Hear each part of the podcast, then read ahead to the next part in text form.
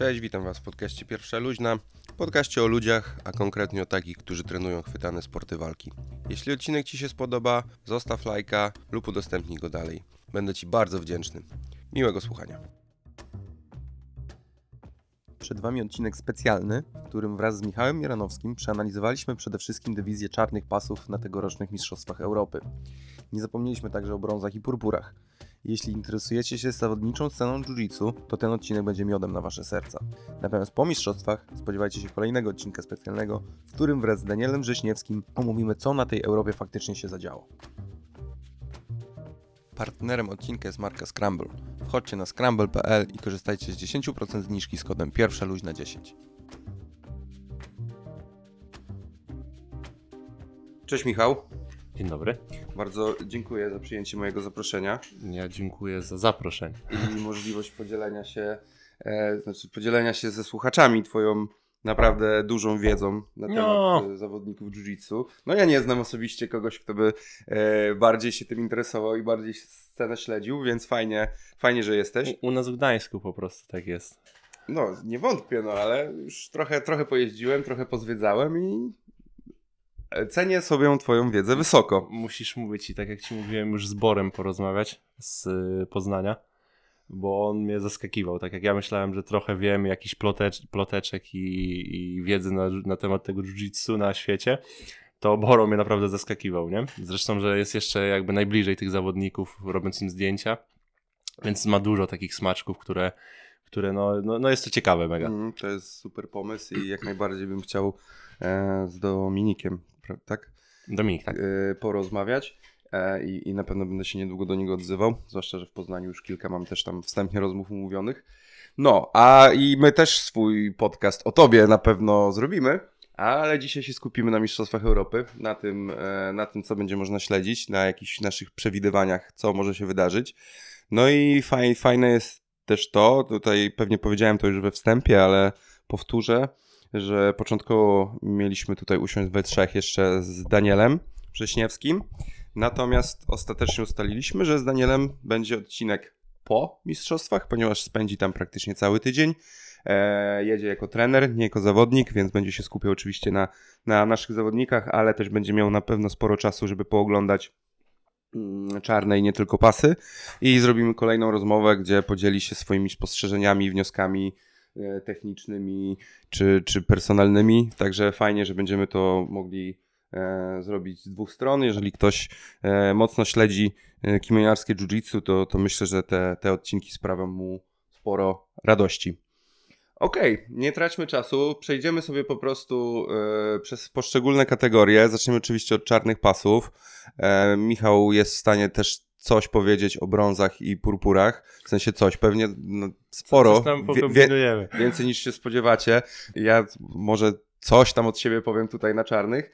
Więc będziemy sobie przechodzić po, przez, po kolei przez kategorie. Ja będę mówił, co ja wiem, co mi się wydaje, a potem Michał mnie będzie korygował i mówił, jak jest. E, więc zacznijmy od kategorii, o której nie ma jakoś zapewne dużo do gadania, czyli e, zaczynamy od e, najniższych wag. E, Rooster 57,5 kg. Zawodników mamy w tej chwili e, pięciu. Także tak jak Michał powiedział jeszcze przed nagraniem, e, trzech zawodników zaczyna od półfinału. Jeszcze nadmienię, że czasem jest ten problem, jak przeglądałem zawsze listy startowe Worldsów albo Mistrzostw Europy, to ci Brazylijczycy z tymi 50 imionami, Mhm. to ja czasem nie rozpoznaję, że to jest ktoś, kogo ja znam, Tak, tak, tylko, tylko z- inaczej zapisany. Więc tutaj, szczerze mówiąc, 5-7 e, nie rozpoznaję nikogo, no ale wspomniałeś, że tutaj jest jeden bardzo mocny Tak, faworyt. no, mm, obecny mistrz świata, Talison Soares, który przeszedł niedawno do Art of Jiu-Jitsu, trenować pod okiem braci Mendes. E, wcześniej bodajże w Unity i zaczynał w Cicero Costa w Brazylii. No myślę, że zdecydowany faworyt. Niestety w tej kategorii nikogo innego nie kojarzę. E, jedynie Italo Frota brzmi jakoś znajomo, ale nie wiem. Mhm. A czy ten Sora, so, so, Soares, Soares walczy w taki sposób typowy dla takich wag, czy może on jest właśnie wjeżdża do takiej wagi, ale walczy jak trochę cięższy zawodnik Mm. z góry, przechodzi, czy, Nie, czy Tali- się też kręci, tak jak zapewne większość z nich? Talison dosyć dużo używa lapeli, e, warmguardy. No i pewnie teraz jak y, pracuje z braćmi Mendesami, no to Berimbolo zacznie być grane. I na pewno gra z góry też została poprawiona. Aczkolwiek z tego, co ja kojarzę, to jak najwięcej yy, chyba w grze, w grze Talisona występują lapele. Okej, no na pewno przejście do Mendesów e, mu nie zaszkodzi, tylko pomoże. Jeżeli wiedzie w, fizycznie w dobrej formie, to, to na pewno jest mocnym faworytem. E, No ale jeżeli nie, nie znamy reszty, no to może być tak, że to jakiś utalentowany młodziak, który wybuchnie na tych mistrzostwach. Oczywiście, że może tak być. Jakiś e, z Brazylii przyjechał, że się go nie zna w ogóle, a, a sprawi niespodziankę. Możesz Talisona kojarzyć, bo to jest chyba najlepszy przyjaciel Diego Pato. I oni tak zawsze w, Okej. czy, czy fotki, czy jakoś tam na Instagramie się trzymają i jest ich. Dużo osób właśnie nie kojarzy Talisona, a jak Mhm. zobaczy, że to jest ten od Diego Pato, no to Okej. jest jakoś tam. Pato fajnie walczył na ADCC, bardzo zapamiętałem, podobało mi się. Okej, e, nie ma co gadać o, o Rooster niestety. Przechodzimy do Light Feather, do przez, 64 naszą, kg. przez, przez naszą wiedzę, nie tak, że nie ma co gadać. No, zapewne tak, ale nie, myślę, że nie jest, nie, nie odstajemy od większości eks, ekspertów. Ja to w ogóle nie jestem ekspertem. E, dobra, więcej się dzieje, więcej już zdecydowanie widać zawodników e, w Light Feather. E, ja szybko patrzę na listę. Yuta Shimada zawsze był w tej kategorii zawodnik właśnie z Japonii. Nie Hashimoto, może ci się y, kojarzyć, to jest taki... Może Hashimo... On zawsze robił blachę tam. No to Hashimoto. Hashimoto, okej. A Z- od Zakładam, że ten Shimada może to być jakiś jego, jego ziomeczek. Mhm. Em, jest z Polaków mamy tutaj Tomasza Paczkę. Jest Tomek. Ja tak. kojarzę Marko To jest- ponieważ on był u nas Tak, tak, w tak. Złomiarzu kilka razy. Nasz Szwed, tak? Który nas... Nie, Finlandia. Fi- Fin, tak, on z- jest z, jest z Finlandii. tak. I chyba Diego Batista, jeżeli to Diego jest ten Pato. Diego Ba- Batista, o Tak, którym to jest myślę. Diego Pato. A, Diego Pato, no, no, no właśnie, to jest ten problem Tak, z tak. tymi Brazylijczykami, że, że nie, Ronaldo nazywa się tak naprawdę Je Mhm. Jesus de Nascimento, coś tam, coś tam. Tak. Okej, no to tutaj możemy już, e, ja odpalę też um, Drabinki? drabinki, żebyśmy zobaczyli, chociaż, no nie wiem, odpalać drabinki czy o sam Możesz, o, możesz odpalać, kategorii? wiesz, żeby nie było, że zaraz y, powiemy, że ten będzie na pierwszym, a ten na drugim, a oni się w pierwszej walce spotykają. Okej, dobra. E, wiesz co, to jest mega taka sentymentalna y, dla mnie kategoria, ponieważ jest w niej mój no, kolega, to może dużo powiedziane, ale chłopak, z którym trenowałem w Cicero i dosyć, dosyć dobrze się tam trzymaliśmy. Mhm. Mm, już wtedy był zapowiadany jako taki następny Miao i wielki talent, no i jak widać e, Który, który to zawodnik? Leandro Mario. Leandro Mario. Leonardo, przepraszam. Leonardo Mario. Leonardo okej. Mario. Ten sam błąd y, robiłem jak nagrywał na plaży, żebym powiedział coś o nim, powiedziałem Leandro, no i, no i się skończyło szybko nagrywanie obrazą. Oczywiście, oczywiście żarty. y, Mega, mega, mega w porządku gość, y, mega talent. Y, W ogóle ktoś, kogo nigdy byś nie posądził o jakiekolwiek trenowanie sportów walki, gość zgarbiony, jakby siedział przed komputerem 24 na dobę. Mhm. E, No, w, wydaje mi się, że w 2022 roku nie przegrał ani jednej walki w Brazylii. Mhm. Głównie w Brazylii startował, to jest chyba jego pierwszy wyjazd poza. Oczywiście na czarnych pasach, bo z tego co wiem jest y, mistrzem Europy na purpurach i brązach. E, No i jestem bardzo ciekawy. Drabinka się dosyć fajnie ułożyła. Tak, ale teraz widzę, że tutaj rozpoznaję w drugiej walce, jeżeli zwycięży swoją pierwszą walkę z przedstawicielem e, Nowa Uniao, to w drugiej walce potencjalnie ma Pablo Mon- Mantovani. Mhm. Coś mi mówi to nazwisko. Wydaje mi się, że on a, walczył albo na jakimś ADCC, może to jest albo w jakimś MMA, bo albo ma po prostu to samo nazwisko, ale coś, coś mi to mówi. Wiesz, Co tu kim- mamy? Atos. Ja jak go zobaczyłem, to mi się mylił on z tym, e, i to jest bodajże Pablo, Jezu, nie chcę teraz, e, żeby nie było wtopy, mm, z tym gościem z Argentyny, który przeszedł do Art of Jiu-Jitsu. Okej. I on jest chyba Pablo i też ma nazwisko na M, on jest bodajże w 7.0 bądź 7.6. Ale zobaczmy. Pablo Montero. Silva Junior, okej, to się chyba... Aha, jest piłkarzem. O nie, I sprinterem. e, Pablo Montowani. A jest teraz jakiś, tak? Tak. Mm, Zatosu. A to z Pablo Montowani, BJ Heroes. Kurczę, też go kojarzę, tak jak teraz patrzę. Właśnie, bo, tylko że mi się wydawało, że to jest Montowani, a to jest Mantawani. Zobaczmy szybko jego profil na BJJ Heroes. E, Trialsy brazylijskie 2017 wygrane. Aha. Okej, może, może to jednak nie jest do końca ta osoba, o której myślimy, ale no jak jesteś za tosów, to potencjalnie jesteś zagrożeniem. W ogóle no tutaj ta lewa strona drabinki wydaje się ciekawsza, bo, Bardzo bo dalej mamy właśnie Tomasz Paczka kontra Marco Karainen, czyli no tutaj e, ktoś, kto ma styczność z polskim jiu-jitsu, wizytował tutaj na Trójmieście, nie wiem czy, czy bywał jeszcze w innych miastach i, i, i Tomek z Gracie Bacha. No i zwycięzca tej walki będzie miał Diego Pato. No, Tomek bardzo mocne jiu-jitsu. Mm, Myślę, że na spokojnie Marko do ogarnięcia. Mhm. E, No, czy ja chciałem powiedzieć, że pechowe losowanie, ale z drugiej strony możliwość walki z Diego Pato super sprawa. Mhm. Czyli co, Diego faworyt w kategorii. Wiesz co? Na papierze jak najbardziej. Mhm. E, Myślę, że najbardziej prawdopodobne starcie w finale to jest Hashimoto Diego Pato, Mhm. ale bardzo bym chciał, żeby Leonardo jednak zrobił niespodziankę. Bardzo, bardzo na niego liczę.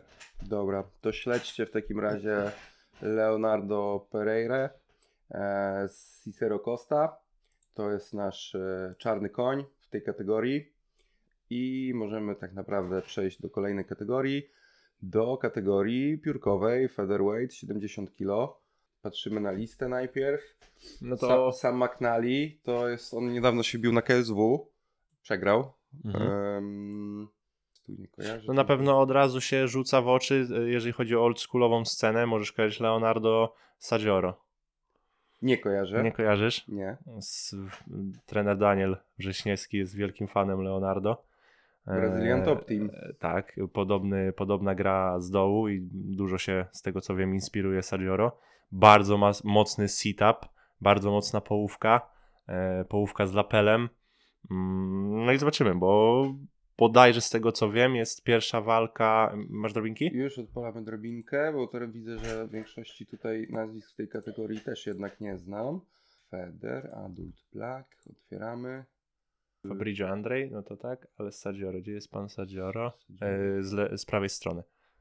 O, będzie ten, jeżeli wygrają To- pierwszą, to to, tak, tak, tak, tak? to Saggioro z McNally, a Czyli- mi chodziło, bo chciałem powiedzieć, że będzie starcie old schoolu z nową szkołą, ale jest to jednak po lewej stronie Mhm. e, drabinki, czyli e, Fabrizio Andrej z Pineiro. Okej. Pineiro obecny mistrz świata nogi. Chyba pierwszy tytuł po wielu latach, y, jaki udało mu się zdobyć.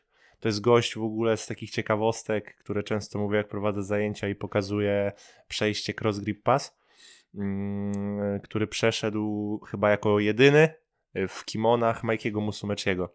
W swojej kategorii, no bo jak wiemy, tam Majki startował w y, Absoluto i, i chyba został, została jego garda. Nie wiem jak to odmienić. Prze, przejszła. Jest, jest to już, nie, nieraz o tym myślałem, nieraz y, nad tym rozmawialiśmy Jego- i nie wiem jak to odmieniać. Jego garda została prze... O kurde. No jest, jest, Ja, zadzwo- tam, ja zadzwonię do siostry, ona jest po polonistyce. jest to myczek jakiś językowy tam, którego E, jutro na treningu dam ci znać. Zadzwonię do siostry, no. przeszedł mu gardę. Przeszedł mu gardę, tak. Tak, Pineiro przeszedł gardę Majkiemu Musumeciemu. Okej, a, a Fabrizio Andrej? Fabrizio Andrej, y, mistrz świata z 2021 roku. Po dosyć mocnym takim, też mogłeś z jakichś wiralów oglądać na Instagramie po finale z y, nie Jamal Hill, to teraz walczył w UFC, tak? Z Josh e, ha- zobacz, Hamill zobacz Taylor? na dół, może będzie, bo to jest E. kategoria 70, tak? Tak. E, czy znowu Wiesz odpadł? co, wydaje mi się, że ty masz na myśli... E, James Hill Taylora. tak, e, tak, dokładnie. I Tak. on, ja go widziałem na listach, ale... On w 70 powinien być. No właśnie. Właśnie, tak, ja go y, tak, też widziałem, też mam zapisanego chyba nawet tutaj, a wczoraj jak sprawdzałem drabinki, to nie było go. Czyli się mógł Więc wycofać. tak, tak. To samo Okej. było na ostatnich mistrzostwach świata, że miał startować, był na drabinkach i finalnie się nie pojawił. Mhm. A ten e, Fabrizio Andrej, e, no tu widzę Melki Galvao Jiu-Jitsu, tak, czyli to jest ten team team, od e, Miki. od Miki Galvao, tak, tak, no, tak. czyli na co dzień robi z Miką. Tak. No to Kto według Ciebie mimo wszystko fa faworytem? Kategorii? Andrzej czy Pineiro? No bo z tego co tak mówisz, no to wychodzi, że ta walka jest taka najmocniejsza w pierwszej rundzie. No, z, z, z pierwszych rund to jest bardzo mocna walka. Mhm. Mm, Szkoda, że się tak spotkali w sumie, bo mam wrażenie, że Pineiro jest trochę taki niedoceniany i brakuje mu tych, brakuje mu tych wielkich tytułów.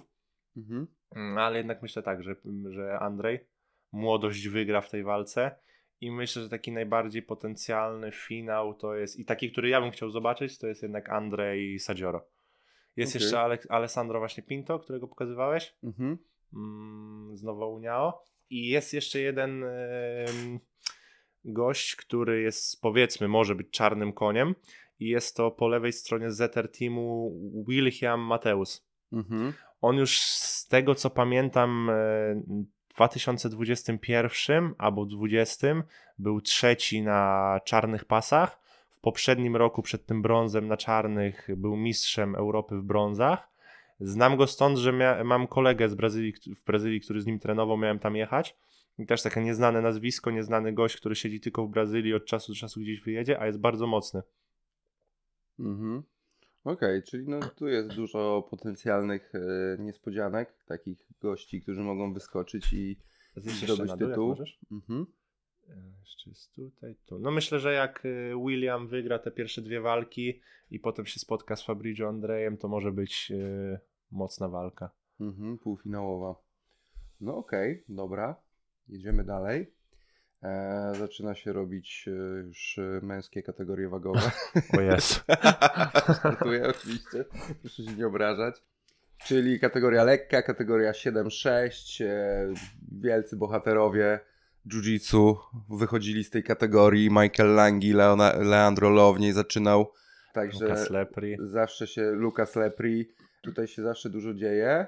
E, natomiast jak tak przejrzałem listę, to e, nie, nie wygląda to aż tak, jak można by się spodziewać mocno, e, chyba że po prostu tutaj nie rozpoznaję e, nazwisk. jest. Jest e, z takich osób dla mnie rozpoznawalnych jest Max e, Lindblad, Inne, tak. e, który chyba z tego Marchewa. takiego zaciągu skandynawskiego to no, oczywiście świetny zawodnik, ale najmniej sukcesów e, gdzieś wydaje mi się, no jednak Tommy, Langaker, Espen e, go gdzieś przyćmili Mhm. No z tak, czasem. tak, tak. Jest, to jeszcze tutaj jest, Marcio André, kogo ja jeszcze rozpoznaję.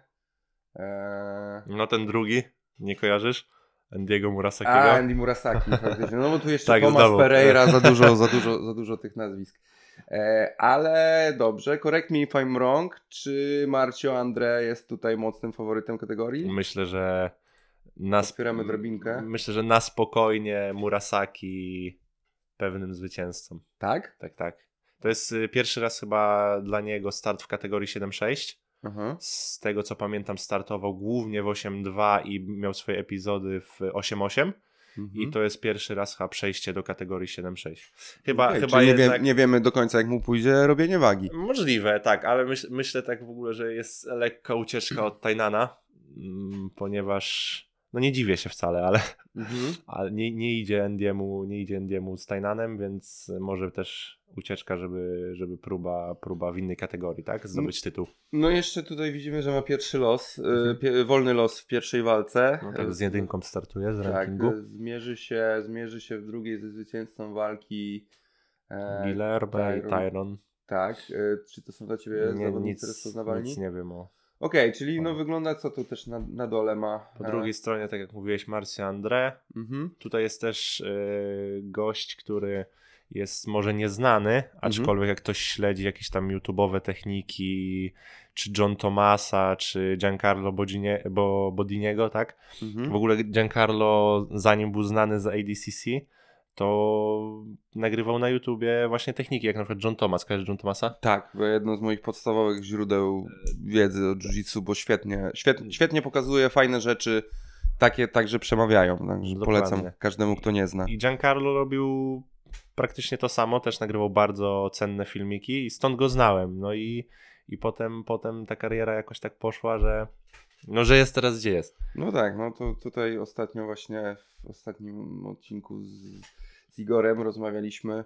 e, też o Bodonim, że no jednak Bodoni jest dowodem na to, że Danaher to, to jednak działa. nie? Tak, tak. Tylko wiesz co, bo dużo osób teraz e, przedstawia bo, bo, bo do niego jako takiego gościa, co sobie w ogóle przyszedł z ulicy praktycznie, wiesz, Nie, jasne, to był dobry zawodnik, Świata, to Ale był to nie gość... był mistrz świata DCC potencjalny jeszcze przed tym, nie? Tak, ale z tego, co mi się wydaje przed mistrzostwami ADCC i jest też śmieszne dosyć, jak na Instagramie sobie przeglądasz, że faktycznie ten wpływ Danachera, jak w 2021 bodajże na Panamsach stoi jako drugi, a Lucas Barbosa jest pierwszy, Hulk, Mhm. i już rok później jest na odwrót, że Mhm. Giancarlo jest na pierwszym miejscu, a na drugim jest e, Hulk, tak? Mhm. I do czego zmierzałem mówiąc o Giancarlo i o John Thomasie, że Ariel Tabak, Mhm. który walczy z Leonem Larmanem, jest również takim gościem, który nagrywa bardzo cenne, fajne filmiki e, o, o jakiejś rozkminie jiu-jitsu, też chyba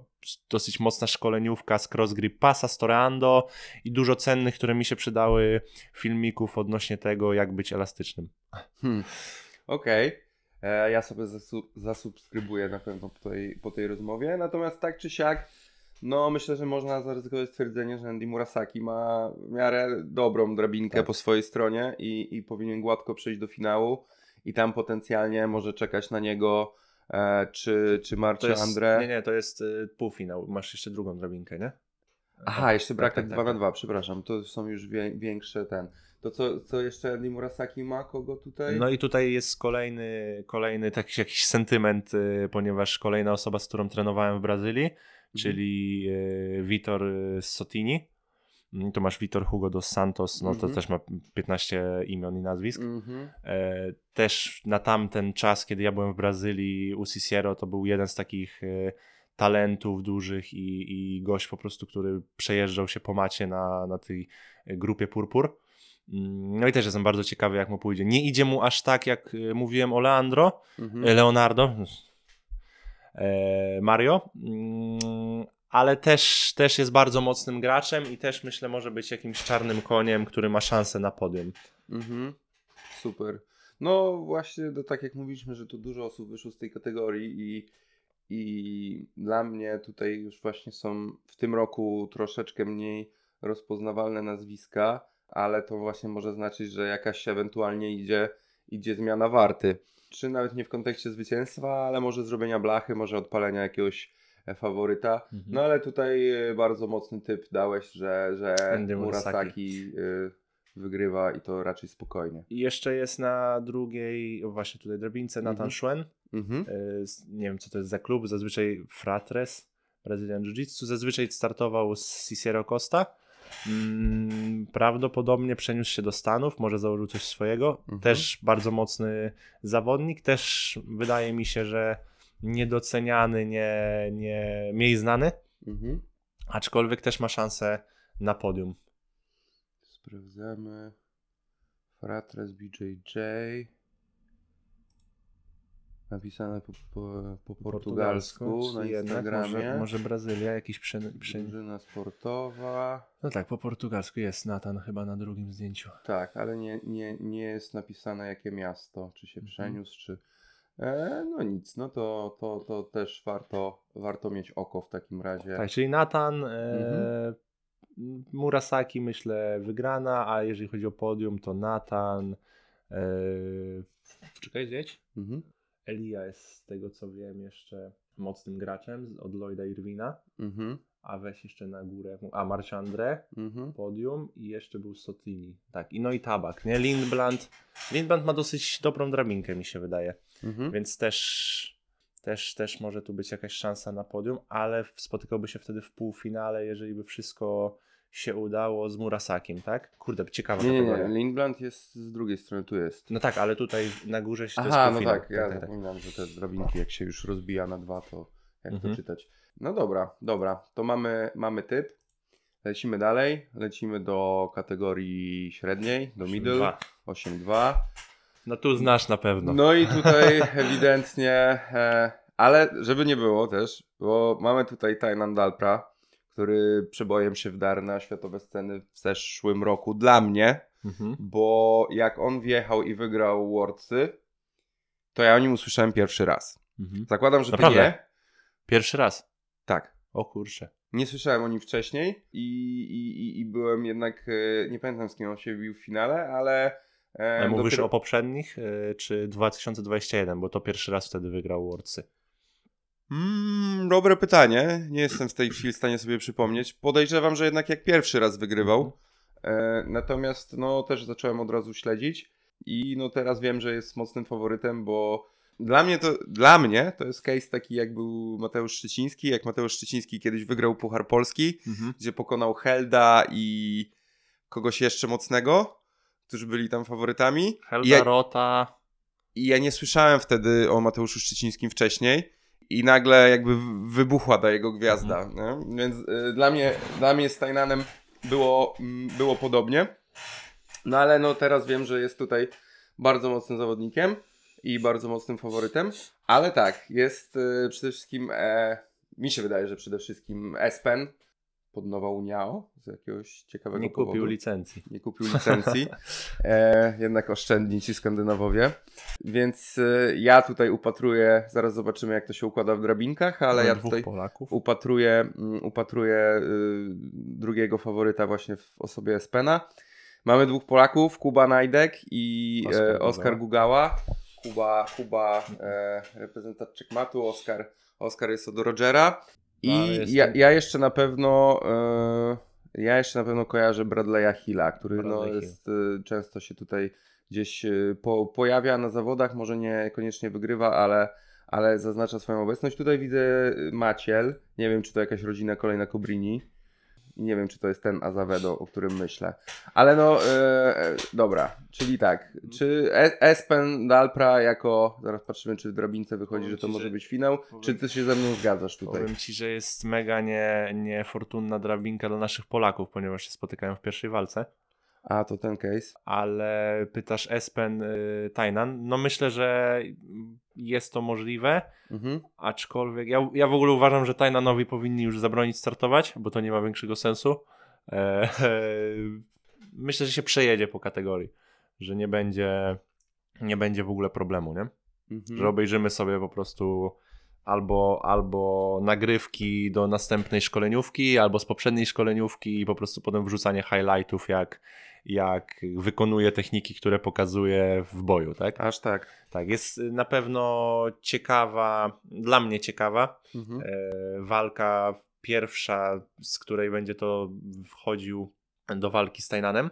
Osoba, która wygra, będzie wchodziła do walki z Tajnanem, ponieważ Elder e, Junior, czyli Mhm. ten Elder da Silveira Gomez Junior, e, Tak. dos Santos da Silva Tak. e, Zatosu. Miałem przyjemność z nim walczyć na zawodach w São Paulo.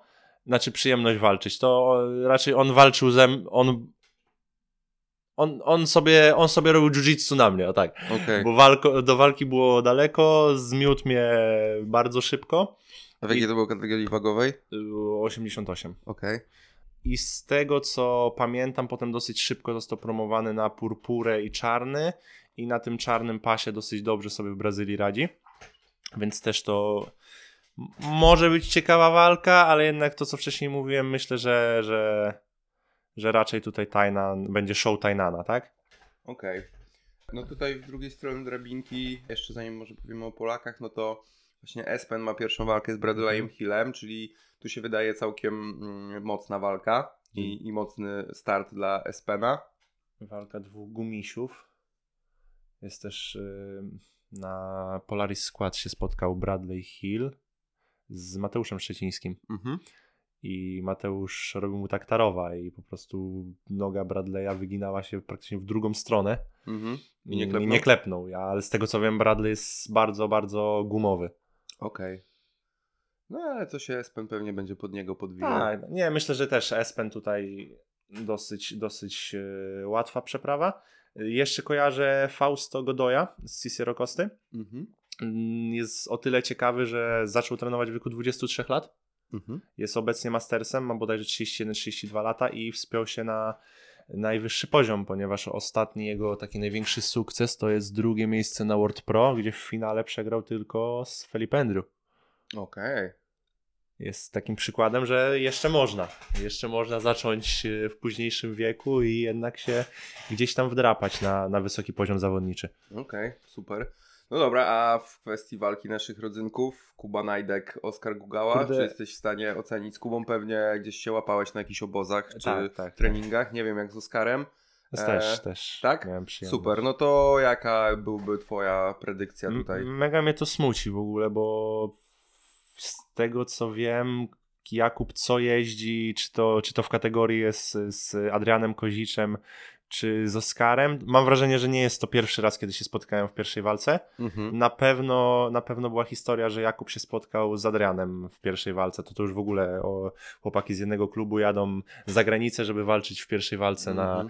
na IBJTF-ach. No, no nie jest to szczęśliwe losowanie, aczkolwiek em, wiesz co, Jakub jest bardzo, bardzo niekonwencjonalny Mhm. e, i nawet jeżeli moim zdaniem Oscar na, na papierze jest faworytem, to, to Kuba zawsze może wypalić czymś. e, Nieraz zaskakiwał i, i na pewno jest nieprzewidywalny w swoich kończeniach, więc Mhm. na takiego zawodnika zawsze trzeba e, może nie brać poprawkę, ale no wiesz co, to jest tak jak porównuję y, Tajnan jakby miał walczyć z Miką, jest taka dyskusja teraz, no, jak za pierwszym razem y, walczyli, to Tajnan przegrał, wiadomo, że obydwoje bardzo ewoluowali, aczkolwiek y, ja na przykład teraz uważam, że Tajnan łatwo wygrałby z Miką, Mhm. tylko zawsze trzeba brać poprawkę na to, że Mika strzela poddaniami znikąd. Mhm. I pomimo tego, że uważam, że Tajnan jest lepszy technicznie, lepszy taktycznie, to zawsze mógłby w coś wpaść, nie? Że trzeba brać poprawkę na tych właśnie zawodników, którzy sypią kończeniami i takim jest właśnie Kuba. Okej. Czyli jeżeli walka rozegra się w stabilnym tempie na pozycję, no to tutaj byś widział jednak Oscara. To myślę, że dominującego tak. ten, ale, ale Kuba może wyczarować jakąś, jakąś dźwignię czy, czy, czy duszenie. Mhm. I, Okej. I myślę, że zwycięzca tej walki ma jak najbardziej szansę na, na podium. Okej, czyli wtedy półfinał potencjalny z Espenem Tak do myślę. zawalczenia. No byłoby super. I jeszcze jakby jakaś tu się niespodzianka wydarzyła i finał z Tajnanem, e, to, to fajnie by było. Na pewno dużo by było to pokazywane e, w mediach e, zagranicznych jiu-jitsu też. E, super sprawa to by była. Wyobraź sobie, wchodzisz na Instagrama na dzień po Europie, a tu wirale jak Kuba Najdek poddaje Tajnana taktarowym. No, wyobrażam sobie. I see this. Jeszcze, jeszcze mamy jedną osobę, Aha. która na pewno będzie czarnym koniem, czyli Lucas Protasio. Bardzo znany na kolorowych pasach, również Aha.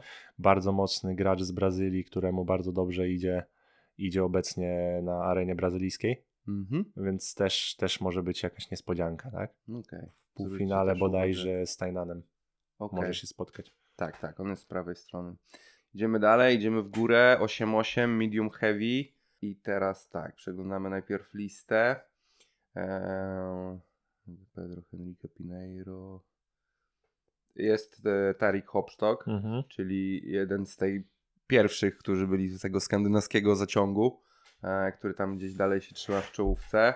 E, kogo my tu jeszcze mamy? E, no, e, o, jest Karol Kania. Jest Karol Kania, super. No ale tutaj ty, już otwieram drabinkę. Tutaj e, ja się za dużo nie wypowiem, bo jest to kolejna jednak mimo wszystko kategoria, gdzie aż tak dużo e, zawodników nie kojarzę, chyba że się okaże, że mi powiesz, że ten ktoś nazywa się inaczej tak naprawdę i, i już będę kojarzył. E, dobra, może zacznijmy od Karola. Karol, spójrzmy na drabinkę. No Karol, bardzo pechowe losowanie. Clay Landon Mayfield. Znaczy e, pechowe. Pecho, em, ro, wczoraj jak oglądałem drabinki, Mhm. to rozkminiałem nad tym, że trafił gościa, który jest na, na tym poziomie światowym, aczkolwiek nie jest to jakiś top. Jest to Clay z Pedigo Submission Fighting, dosyć znany zawodnik. e, To jest Brazylijczyk, czy? Nie, nie, nie, z, ze Stanów. Okej. Jak się śledzi e, tą całą historię Pedigo i ogląda e, te ich dokumenty, no to Clay jest na pewno kojarzony. I myślę, że to jest fajna walka, że Karol nie trafił jakiegoś potwora w pierwszej, tylko gościa, który jest solidny, Mhm. ale jest jak najbardziej, myślę, w zasięgu Karola. Mhm. E, zwłaszcza, że po ostatnich mistrzostwach Polski Karol pokazał, że jest to naprawdę solidny poziom. Więc myślę, że Myślę, że, że, że tutaj ta pierwsza do przejścia, a, a potem no dosyć pechowe losowanie, no bo jednak jedynka z rankingu. Oczywiście wszystko może się wydarzyć, ale Spirandelli, mocny brazylijski zawodnik. Z tego, co mi się wydaje, obecny mistrz e, Brazylii w kategorii 8-8. Obecny albo z 2021 Mhm. W czarnych pasach, także jest bardzo mocny zawodnik. A czy to jest y, według Ciebie faworyt kategorii, czy z drugiej strony drabinki jest ktoś y, inny, kto, kto mimo, że nie jest rozstawiony z jedynką? Wiesz co, widzę, widzę trzech zawodników na takich, y, które wydaje mi się, że, że będą na podium. Y, I Jest to Pedro Machado, jest Pedro Henrique Pineiro. To z ten, trzecim miejscem za to z jiu Tak. Mhm. To jest gość, który w 2021 walnął podwójne złoto na brązach. Mhm. W finale kategorii wygrywając y, z y, El Monstro Mhm. 9-4 i wygrywając Absoluto. Nie chyba. Tak, finał z Mans- Mansonem Flowerem, tak? Fowler, Fo- Fowlerem. Flower, Fo- Fowlerem. Mhm. Ale na Europie, tak? Nie, nie, nie, na Worldsach. Na Worldsach, na okej. Worldsach, brązowych pasach. I to było w 2021, końcówka roku, czyli grudzień. I zaraz potem, kilka miesięcy później, na Worldsach, które już wróciły wtedy do normalnego terminu czerwcowego, mm, na czarnych pasach zadebiutował i był trzeci. Mhm. Też taki wiralowy dosyć, dosyć akcja, jak przeszedł Adama Wardzińskiego i poddał go balachom. Mm, Nagi? Nagi. Okej, czyli to nie to, co ostatnio było na nogi. również bardzo, bardzo mocny gość. Więc myślę, że Pedro Machado, Mhm. jak dla mnie, jest faworytem, Mhm. e, ale o podium jest y, do bicia się naprawdę dużo, dużo gości. Jednym z nich jest Tarik. Mhm. Mm, Spotyka się w pierwszej walce z Farisem, y, z Roger Gracie, też bardzo mocny gracz y, na kolorowych pasach. Obecnie w Europie też troszkę powygrywał na czarnych pasach. Z tego co pamiętam, w Londynie zrobił podwójne. Nie, przepraszam, w podwójne złoto w Londynie zrobił Adam Wardziński, Faris zrobił w Paryżu podwójne złoto, czyli w kategorii w absoluto. Mm, Jednak myślę, że Tarik zwycięsko z tej walki, ale może to być bardzo, bardzo fajne starcie. I na dole, jeśli zjedziesz, Mhm. e, no Spirandelli jest jednym na pewno z faworytów, ale mamy Jensena Gomeza, e, młodego zawodnika z Czekmatu. Mhm. Mm, Tutaj możesz za to kojarzysz, ja to tak wszystko wiralami porównuję, e, jak y, było głośno, tylko że ty mówisz, nie słyszałeś wtedy jeszcze o Tajnanie, Mhm. dopiero jakoś niedawno, ale na Purpurach, e, z tego co pamiętam, to ostatni gość, jaki wygrał z Tajnanem i nie było, nie było to na czarnych czy brązowych pasach, bo z tego co wiem na czarnych przegrał tylko z, z Miką Galvao, a na brązach nie przegrał. Na purpurach na Mistrzostwach Świata w finale z Jensenem Gomezem z 50-50 w Taktarowie, który Taktarowem nie był, tylko praktycznie balachą na kolano. Strzeliło, strzeliła mu noga, poszły więzadła. Jest taki charakterystyczny filmik, jak on wstaje i nie może ustać na tej nodze. Mhm. Tajnan Dalpra, tak? Mhm. Jensen wtedy wyszedł ze starcia zwycięsko, a też było ta było ta, była to fajna historia, ponieważ Jensen mnóstwo przegrywał z Tejnanem, tak? Panamsy, Europa, oni się zawsze spotykali gdzieś w finale, półfinale i Jensen zawsze przegrywał, no i w końcu na tych mistrzostwach świata, czyli najważniejszych zawodach udało mu się wygrać. Więc jest to na pewno mocny, mocny gracz, jeżeli chodzi o walkę o podium. No i mamy też y, kolejny jakiś tam sentyment, czyli mm, gość, z którym trenowałem w São Paulo i który jest obecnie na dużym topie, ponieważ e, jest znany ze swojego highlightowego kończenia, czyli w skoku do trójkąta, Mhm. który, którego zrobił na Panamsach nogi na Oliwierze Tazie Mhm. i ostatnio niestety na Mistrzostwach Świata w, w kategorii absoluto na Adamie Wardzińskim. I to jest właśnie Francisco Lo. Assis. A, już wiem, on jest, dobra, Tak. już kojarzę. Jest, myślę, że myślę, że finał może wyglądać Francisco Lo kontra kto był góry? Francisco Lo kontra z 8-8 y, Pedro Machado. Ten tutaj, Tak, tak? tak, tak, tak. Pedro by Henrique było... Pinheiro. Aha, znowu, to zapominam, Tak. że to nie jest jedna strona ten. Czyli Machado kontra Francisco. Aczkolwiek wydaje mi się, że nawet, bo jeszcze wcześniej musi Francisco spotkać się ze Spirandellim. Mhm. Wydaje mi się, że ma taki bardzo mm, styl, który też szuka kończeń, Mhm. a Spirandelli jest mocno ułożonym zawodnikiem, więc może być ciężko. Ja nie spotka się z Pirandellim. Nie, no jak? bo Z Pirandellego odpali A, Karol. no, że tak. Tak, tak, tak, tak, tak. w drugiej swojej walce. tu by ci też mógł Karol coś ciekawego o Francisco powiedzieć, ponieważ trenowali razem i jak my byliśmy. Mhm. E, Wydaje mi się, że jak byliśmy razem w 2019, to nie trenował z Francisco. To jest śmieszna historia, bo wtedy e, widzisz, też jest Francisco Lo, my do niego mówiliśmy Asis cały czas, nie? Mhm. I on się tak przedstawiał. E, znowu masz pięć, pięć imion i nazwisk i nie wiadomo jak, jak nazywać. Mm, e, Z tego co pamiętam, jak byliśmy za pierwszym razem, e, to Asis ważył 65 kilo. Co? Tak, Asis ważył 65 kg, był purpurą. Jest to jedno z bardzo przykrych y, moich wspomnień, bo była to jedna z pierwszych walk, jakie robiłem z, z gościem z Cicero. No i nie było miło z Francisco. Tak, ważył 65 kg. Już To, to czekaj, to, to było w którym roku? 2019? 2019. No tak, tam. To w 3 lata, trochę ponad, przywalił 20 kilo No, masy? w- wydaje mi się, że zaczął, y, już jak wtedy byliśmy, był dosyć dobry Mhm. i zaczął chyba zarabiać na zawodach y, z absolutą. Tam dużo takich zawodów w Brazylii się odbywa i zaczął lepsze asai kupować, więc mógł sobie przytyć. Może Okej. wiara mu się też y, powiększyła, No, więc Jezus, Jezus go wybrał. tak. Y, no obecnie, z tego co pamiętam w Brazylii startował w 9-4, 8-8, tak? Y, Wygrał taki największy ostatni tytuł, no to na brązach był mistrzem e, Brazylii, a Mhm. ostatnie tytuły, no to trzecie miejsce na Panamsach w kategorii, tak? Przegrał chyba z, z Graciem Zatosu. Okej, czyli jest znowu komu tutaj w tej kategorii. Jest bardzo ciekawa, chyba najbardziej, chyba kategoria, na którą najbardziej czekam. Okej. Bo i Jensen, i właśnie Asis, i Tarik, i mm, Pedro Machado, i Karol, i ten Spirandelli. Jest dużo ciekawych. Jeszcze o, gracz, który jest dla, dla nas może w Polsce niezbyt znany z Gracie Barry Sean. Mhm. Coates. tak. Gość, o którym ja się dowiedziałem przez Kubę Zajkowskiego. Mhm. Mm, trenuje niedaleko Birmingham. Sean bodajże trenuje w Nottingham. Tak, w Gracie Barra Nottingham. Mhm.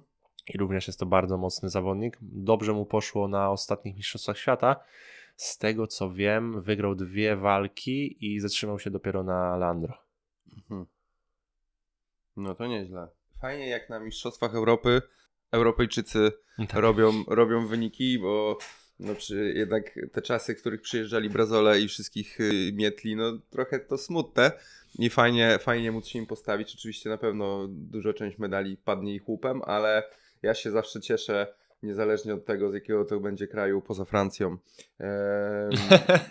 Jak to będzie Europejczyk, który, który zrobi blachę. A jak uważasz, y, Mistrzostwa Europy powinny być tylko dla osób z Europy? Nie, nie, bo straciłyby na prestiżu światowo. Geograficzna bliskość powinna dawać nam szansę, że po prostu tych Brazylijczyków przyjedzie może troszeczkę mniej, e, ale mm, widziałbym ewentualnie osobne zawody. E, no nie ma takiej tradycji, żeby robić zawody open i w sensie open otwarte dla wszystkich e, nacji i tylko stricte dla mm, danego kraju. No znaczy no Mistrzostwa Polski są chyba nie są zawodami open, prawda? Nie, Nie, może, nie, nie, może sobie nie. Tajnan przyjechać i wystartować w Mistrzostwach Polski. E, więc może fajnie by było, gdyby była taka osobna impreza. Natomiast jeżeli ma być tylko jedna, to nie. Bo, bo po prostu straciłoby na prestiżu wyraźnie i nie byłoby uznawane taki, za takiego wielkiego szlema, element wielkiego szlema e, brazylijskiego jiu-jitsu, Mhm. gdyby, gdyby nie były otwarte dla, dla, Zgadzam, dla zgadzam wszystkich. się, nie? zgadzam się. Przede wszystkim to jest to, że to są zawody, na które musisz najmniej wydać w porównaniu na przykład do wyjazdu czy do Brazylii, jakbyś chciał na Brazyleiro wystartować, czy, czy do wyjazdu do Stanów na Panamsy, czy, czy Mistrzostwa Świata, to jednak jest, wiesz, wsiadasz w samolot dwie godziny, jesteś w Paryżu czy w Lizbonie Mhm. i, i nie takim wielkim kosztem możesz wystartować z czołówką światową. Tak, też prawda. Zwłaszcza, że jak, jak wiemy po Twoich ostatnich startach, nawet pojechanie na jakiś IBJJF gdzieś w Europie wcale nie gwarantuje Ci walk, nie?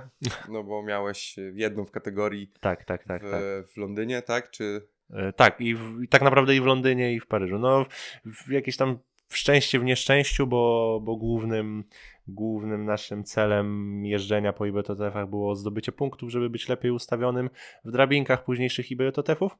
Mm, no i jakby to się udało, no ale jednak fajnie by było troszkę, troszkę więcej powalczyć w tych kategoriach, więc, więc, więc tutaj na minus, nie? Mhm. E, dobra, a propos Europejczyków zwyciężając- zwyciężających kategorię, przechodzimy do 9-4, do Heavy, gdzie mamy No naszego The One and Only Adam Wardzyński. kolejna bardzo ciekawa kategoria. E, tu już troszeczkę, troszkę widać, że już troszeczkę idziemy ciężej, e, mniej, mniej trochę zawodników w porównaniu do 8-8. E, no jest oczywiście Adam. Z osób takich na maksa dla mnie rozpoznawalnych jest Devonte Johnson. Mhm. No i na pewno zaraz się okaże, że znam jeszcze e, jakichś innych, tylko, tylko nie rozpoznaję tych brazylijskich. A, Felipe Andrew. Mhm. Już otwieramy z drabinki. kategorii minus 100 do 9,4. Już otwieramy drabinki, ale zakładam, że jeżeli drabinki tego nie uniemożliwiają, to czy finał Adam Wardziński, Felipe Andrew to by Tak, był... tak, tak, tak. prawdopodobny po, scenariusz? Po, po dwóch stronach, bo Adam Mhm. ma dwójkę, Felipe ma jedynkę. W ogóle ciężko zazwyczaj przebić Felipe, ponieważ on prawie co roku wygrywa mm, jakby cały ranking, y, ten pound for pound, tak? Tak, tak. E, no dobra, czyli Adam ma w pierwszej wolny los, a w drugiej zmierzy się z zwycięzcą walki Felipe Pineiro, Felipe Pim- Pimentel Pineiro, Lucas Andrade Cazuza. E, klubów nie rozpoznaję, bo to jest jakiś Qatar, BJJ, Vision Brazil i Michael Safi Brazilian Jiu-Jitsu. Mhm. E, więc dla mnie to są osoby anonimowe, ale czy ty ich kojarzysz? Felipe Pineiro jest y, właśnie w tym środowisku World Pro dosyć znany. Wszyscy, wszyscy którzy tre, trenują w Katarze i Abu Dhabi e, startują bardziej na tych y, IJP zawodach. Mhm. I on jest z tego właśnie troszkę bardziej kojarzony. Nie wiem, nie wiem jak, jak sukcesy, e, aczkolwiek no Katar BJJ to jest mocny, mocny klub Mhm. ponieważ no, mają ściągnięte dużo, dużo brazoli, wiadomo dlaczego, mogą sobie na to pozwolić i, i, i tworzą po prostu tam mocne, mocne kluby. No tak, tylko zakładam, że bo Felipe Pineiro jest e, Brazylijczykiem i no dobra, na pewno ich trochę ściągnęli, ale pewnie jest tam trenerem głównie. Nie? Pytanie, czy on ma tam sparring partnerów na, na swoim poziomie. No powiem Ci, że y, tak jak na przykład Abu Dhabi, Mhm. mm, kurczę, Commando Group, Mhm. no to nie wiem, czy jest może, no myślę, że to jest klub, który się może równać z jakimiś Dreamartami, Atosami, Okej, aż tak. Są naprawdę tak mocni, mocni zawodnicy ściągnięci, głównie kolorowe pasy. Możesz kojarzyć u Andersona Ferreira, Mhm. który też się stał taki znany po wygranej Kings of the Mat Mhm. mm, w Europie, gdzie wygrał z Langakerem i bodajże, o Jezu, z Langakerem i z kimś jeszcze mocnym wygrał. Ale nie pamiętam. Okej, dobra, czyli, czyli wcale trze, trzeba, trzeba uważać również na przedstawicieli klubów z Kataru. E, kogo tu jeszcze Adam ma ewentualnie, jak przejdzie tu Mm. dalej? Po drugiej stronie jest dosyć ciekawe zestawienie e, na górze. E, No jest Bruno Lima, czyli zeszłoroczny mistrz e, kategorii 8-8. Mhm. E, bardzo mocny gość, któremu również dobrze poszło na Mistrzostwach Świata ostatnich. Z tego co pamiętam, bez medalu, ale zaszedł dosyć daleko. Teraz się zastanawiam, czy nie pomyliłem i to Bruno nie skończył na Leandro, a nie Sean, ale to jest do sprawdzenia. E, po drugiej stronie Devonte, Mhm. i szczerze nie wiem, raczej jestem za Bruno Limą, jako że jest z Europy, ale no Devonte, Devonte to jest bardzo mocny gracz i też przejście do kategorii niżej, więc zobaczymy jak wpłynie na niego robienie wagi. No tak, ale zakładamy, że co by się nie działo, ostatecznie przyjdzie Felipe Andrew i, i w półfinale odpali jednego i drugiego, tak? Czy, czy niekoniecznie? Eee, wiesz co, z Felipe jest. e, widziałem ostatnio na Flow Grappling bodajże taki filmik, że Felipe jest bardzo niedocenianym graczem i mega się z tym zgadzam, ponieważ to jest, uważam, obecnie jeden z najlepszych graczy na świecie i to taki w ścisłej to, topce, jeżeli chodzi o pound for pound, ponieważ to jest gość, który przegrywa jedynie z Meregalim, Munisem. Bodajże w poprzednim roku przegrał jeszcze tylko z Gutenbergiem Pereirą Mhm. to masz dwóch z tego gości to jest absolutny top, nie? Wiesz, masz, często jest tak, że masz mocnych graczy i nad tym jeszcze jest ten absolutny top, który w ogóle jest nie, nie do przybliżenia, jak właśnie Meregali czy, czy Muniz w swojej kategorii. Mhm. I tylko z nimi przerywa Felipe. Mm, No dobra. No jest niedoceniany, To uważam. zapytam tak? A- cię, jeżeli nic się bardzo niespodziewanego wydarzy i zobaczymy finał Felipe Andrew, Adam Wardziński, e, jak byś to e, oceniał? Tak, bez, bez tutaj wyłączamy Tak. to, że kibicujemy Adamowi, tylko, tylko na podstawie twojej wiedzy, wyników i obserwacji. I jeszcze trzeba powiedzieć, że Adam w półfinale spotka się z Riderem Zuki, e, Zucci, e, który jest również bardzo mocnym e, gościem, który Mhm. trenował e, z Landro. Jest to jeden z takich pupilów Landro. Okej. Mm, bodajże ostatnie Mistrzostwa Świata, trzecie miejsce i przegrana na jakieś małe punkty tylko z Kainanem Duarte. Okej. Więc, e, więc tu już będzie ciężka walka. Tak jak mówisz, liczymy, liczymy bardzo na Adama. Aczkolwiek walka z Felipe Andrew. I wiesz co, tu też trzeba tu też trzeba przekminić to, że na papierze myślę, że Felipe. Mhm. Aczkolwiek Adam nieraz pokazywał, że bije się z mistrzami świata i, i daje radę, tak? Mhm. Wiesz, no dużo, dużo osób nie wie, myślę, ale Adam ma mnóstwo na, na rozkładzie mistrzów świata. Czy to właśnie Leandro, Mhm. czy mm, 8-2 mistrz świata dwukrotny Izak Bachiense, Tak. mm, Herbert Santos. Tak. Mnóstwo jest medalistów czy mistrzów świata, których Adam ma na rozkładzie, więc też nie chciałbym powiedzieć tu, że Felipe wiedzie i, i pozamiata. Myślę że, myślę, że będzie mega ciekawa walka. Znowu gościa, który będzie strzelał kończeniami jak z, z kart, tak? I, Mhm. i Adasia, który jest mega, mega poukładanym technicznym gościem. Okej, ale mimo wszystko, gdybyś miał swoje pieniądze obstawić, to Felipe Andrew jednak faworyt? Mm, tak, Dobra. tak. Wy, wybacz, wybacz Adam, jeżeli będziesz słyszał, bądź ktoś ci powie, to zmusili mnie do tego. Tak, ja jestem bez, bezwzględny, ale jakby tu siedzimy, oceniamy obiektywnie, nie sprzedajemy wam ściemy. E, wszyscy wiecie, że Adam jest, jest dobry, ale to co mówiliśmy, że te Mistrzostwa Europy naprawdę są jedną z czterech najważniejszych, najtrudniejszych imprez kimieniarskich na świecie i to, i to nie jest wcale łatwo wygrać, zwłaszcza no, w, takiej, w takiej kategorii Powiem wagowej. ci, że nie wiem, czy Mistrzostwa Europy kiedykolwiek były tak mocne, Tak? jak w tym roku. No, By, były czasy przecież, że przyjeżdżał właśnie Lepri, Langi, e, Kinan Cornelius był. Mhm. Być może mi to po prostu, wiesz, to były bardziej medialne nazwiska, ale mówisz, że jakby overall tutaj, tutaj po prostu bardziej wyrównana jest ta stawka, no, tak? ta kategoria 9-4, 8-8, 8-2 są po prostu przepchane mocnymi gościami. No Mhm. 9-4 wygląda pięknie w tym roku. Mhm. Jest naprawdę, naprawdę będzie, bę- będzie iskrzyło, myślę. Super, dobra. Jeszcze do Felipe Andrew chciałem coś powiedzieć. No. E, że był niedoceniany, że jest niedoceniany, ale z czym to chciałem porównać? Nie wiem. Zapomniałem. E, Wiesz, coś, coś w tym jest, ponieważ no, Felipe Andrew będzie, będzie zaraz w Alligatores na seminarium. Ja ogólnie chciałbym zrobić e, również podcast właśnie z kimś fajnym, kto przyjedzie do Polski. Tak naprawdę to jest świetny kandydat. Jeżeli, nie wiem jak tam z jego angielskim, e, ale, mm, ale stwierdziłem, że ja o nim chyba. niewiele wiem i nie do końca mam, em, oczywiście mógłbym pomyśleć, poczytać i się zastanowić, ale tak z marszu nie mam do końca pomysłu na ten odcinek. Tak jakby, no właśnie, no nie wiem, no parę innych nazwisk, które tutaj się pojawia i, i, i więcej gdzieś tam jakiś mam od razu w głowie punktów odniesienia. Tak, nie wiem jak to z tym Felipe Andrew, bo i, i to się spina z tym, co mówi, że on jest taki under the radar sobie Mhm. lata, nie? Mógłbyś się go spytać, czy się tak tarowa klepie. Te braz, brazole chyba z zasady powiedzą, że nie. No, ale to jest po prostu jego bardzo charakterystyczny ruch. O, wiem, co chciałem powiedzieć. Z y, kategoria 9-4 i brak Kainana Duarte, który przepisał się do wyższej kategorii. A jak wiemy, na ostatnich Mistrzostwach Świata w kategorii Absoluto Felipe Andrew poddał Kainana taktarowym. Mhm. Więc też widziałem pewne rozkminy, czy, czy nie jest to ucieczka przed Felipe Kainana do kategorii minus 100. Okej. Więc to- no, pokazuje to, jak jest to groźny Mhm. zawodnik.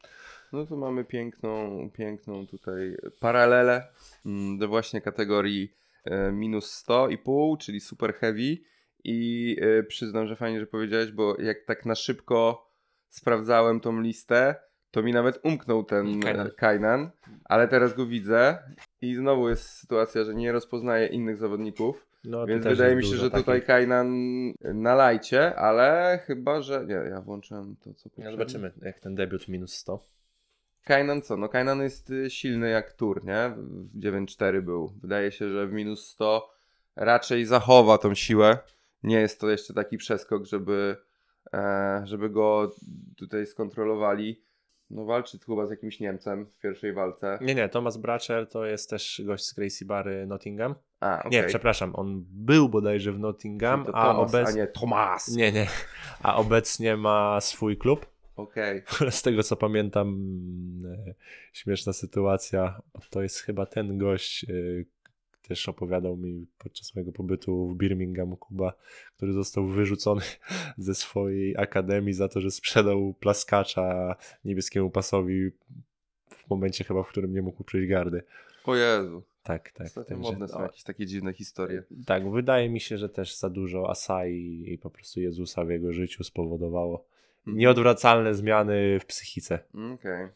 No czyli, czyli raczej tutaj Kainan go przechodzi. W kolejnej walce zwycięzca pojedynku Harrison Santana, Stefan Banta. I Harrison obecnie trenuje w Poznaniu z y, Adamem Wardzińskim. O, naprawdę? S- tak, y, ale to nie jest tak, że on trenuje na stałe, tylko wydaje mi się, że przyjechał po prostu na kamp przygotowawczy. Przed mistrzostwami. E, dwukrotny brązowy medalista Mistrzostw Brazylii. Bodajże 21 i 22. Mm, Także też jakiś taki mniej znany gość dla, dla nas, ale, Mhm. Ale może jeden z faworytów mm, do finału, tak?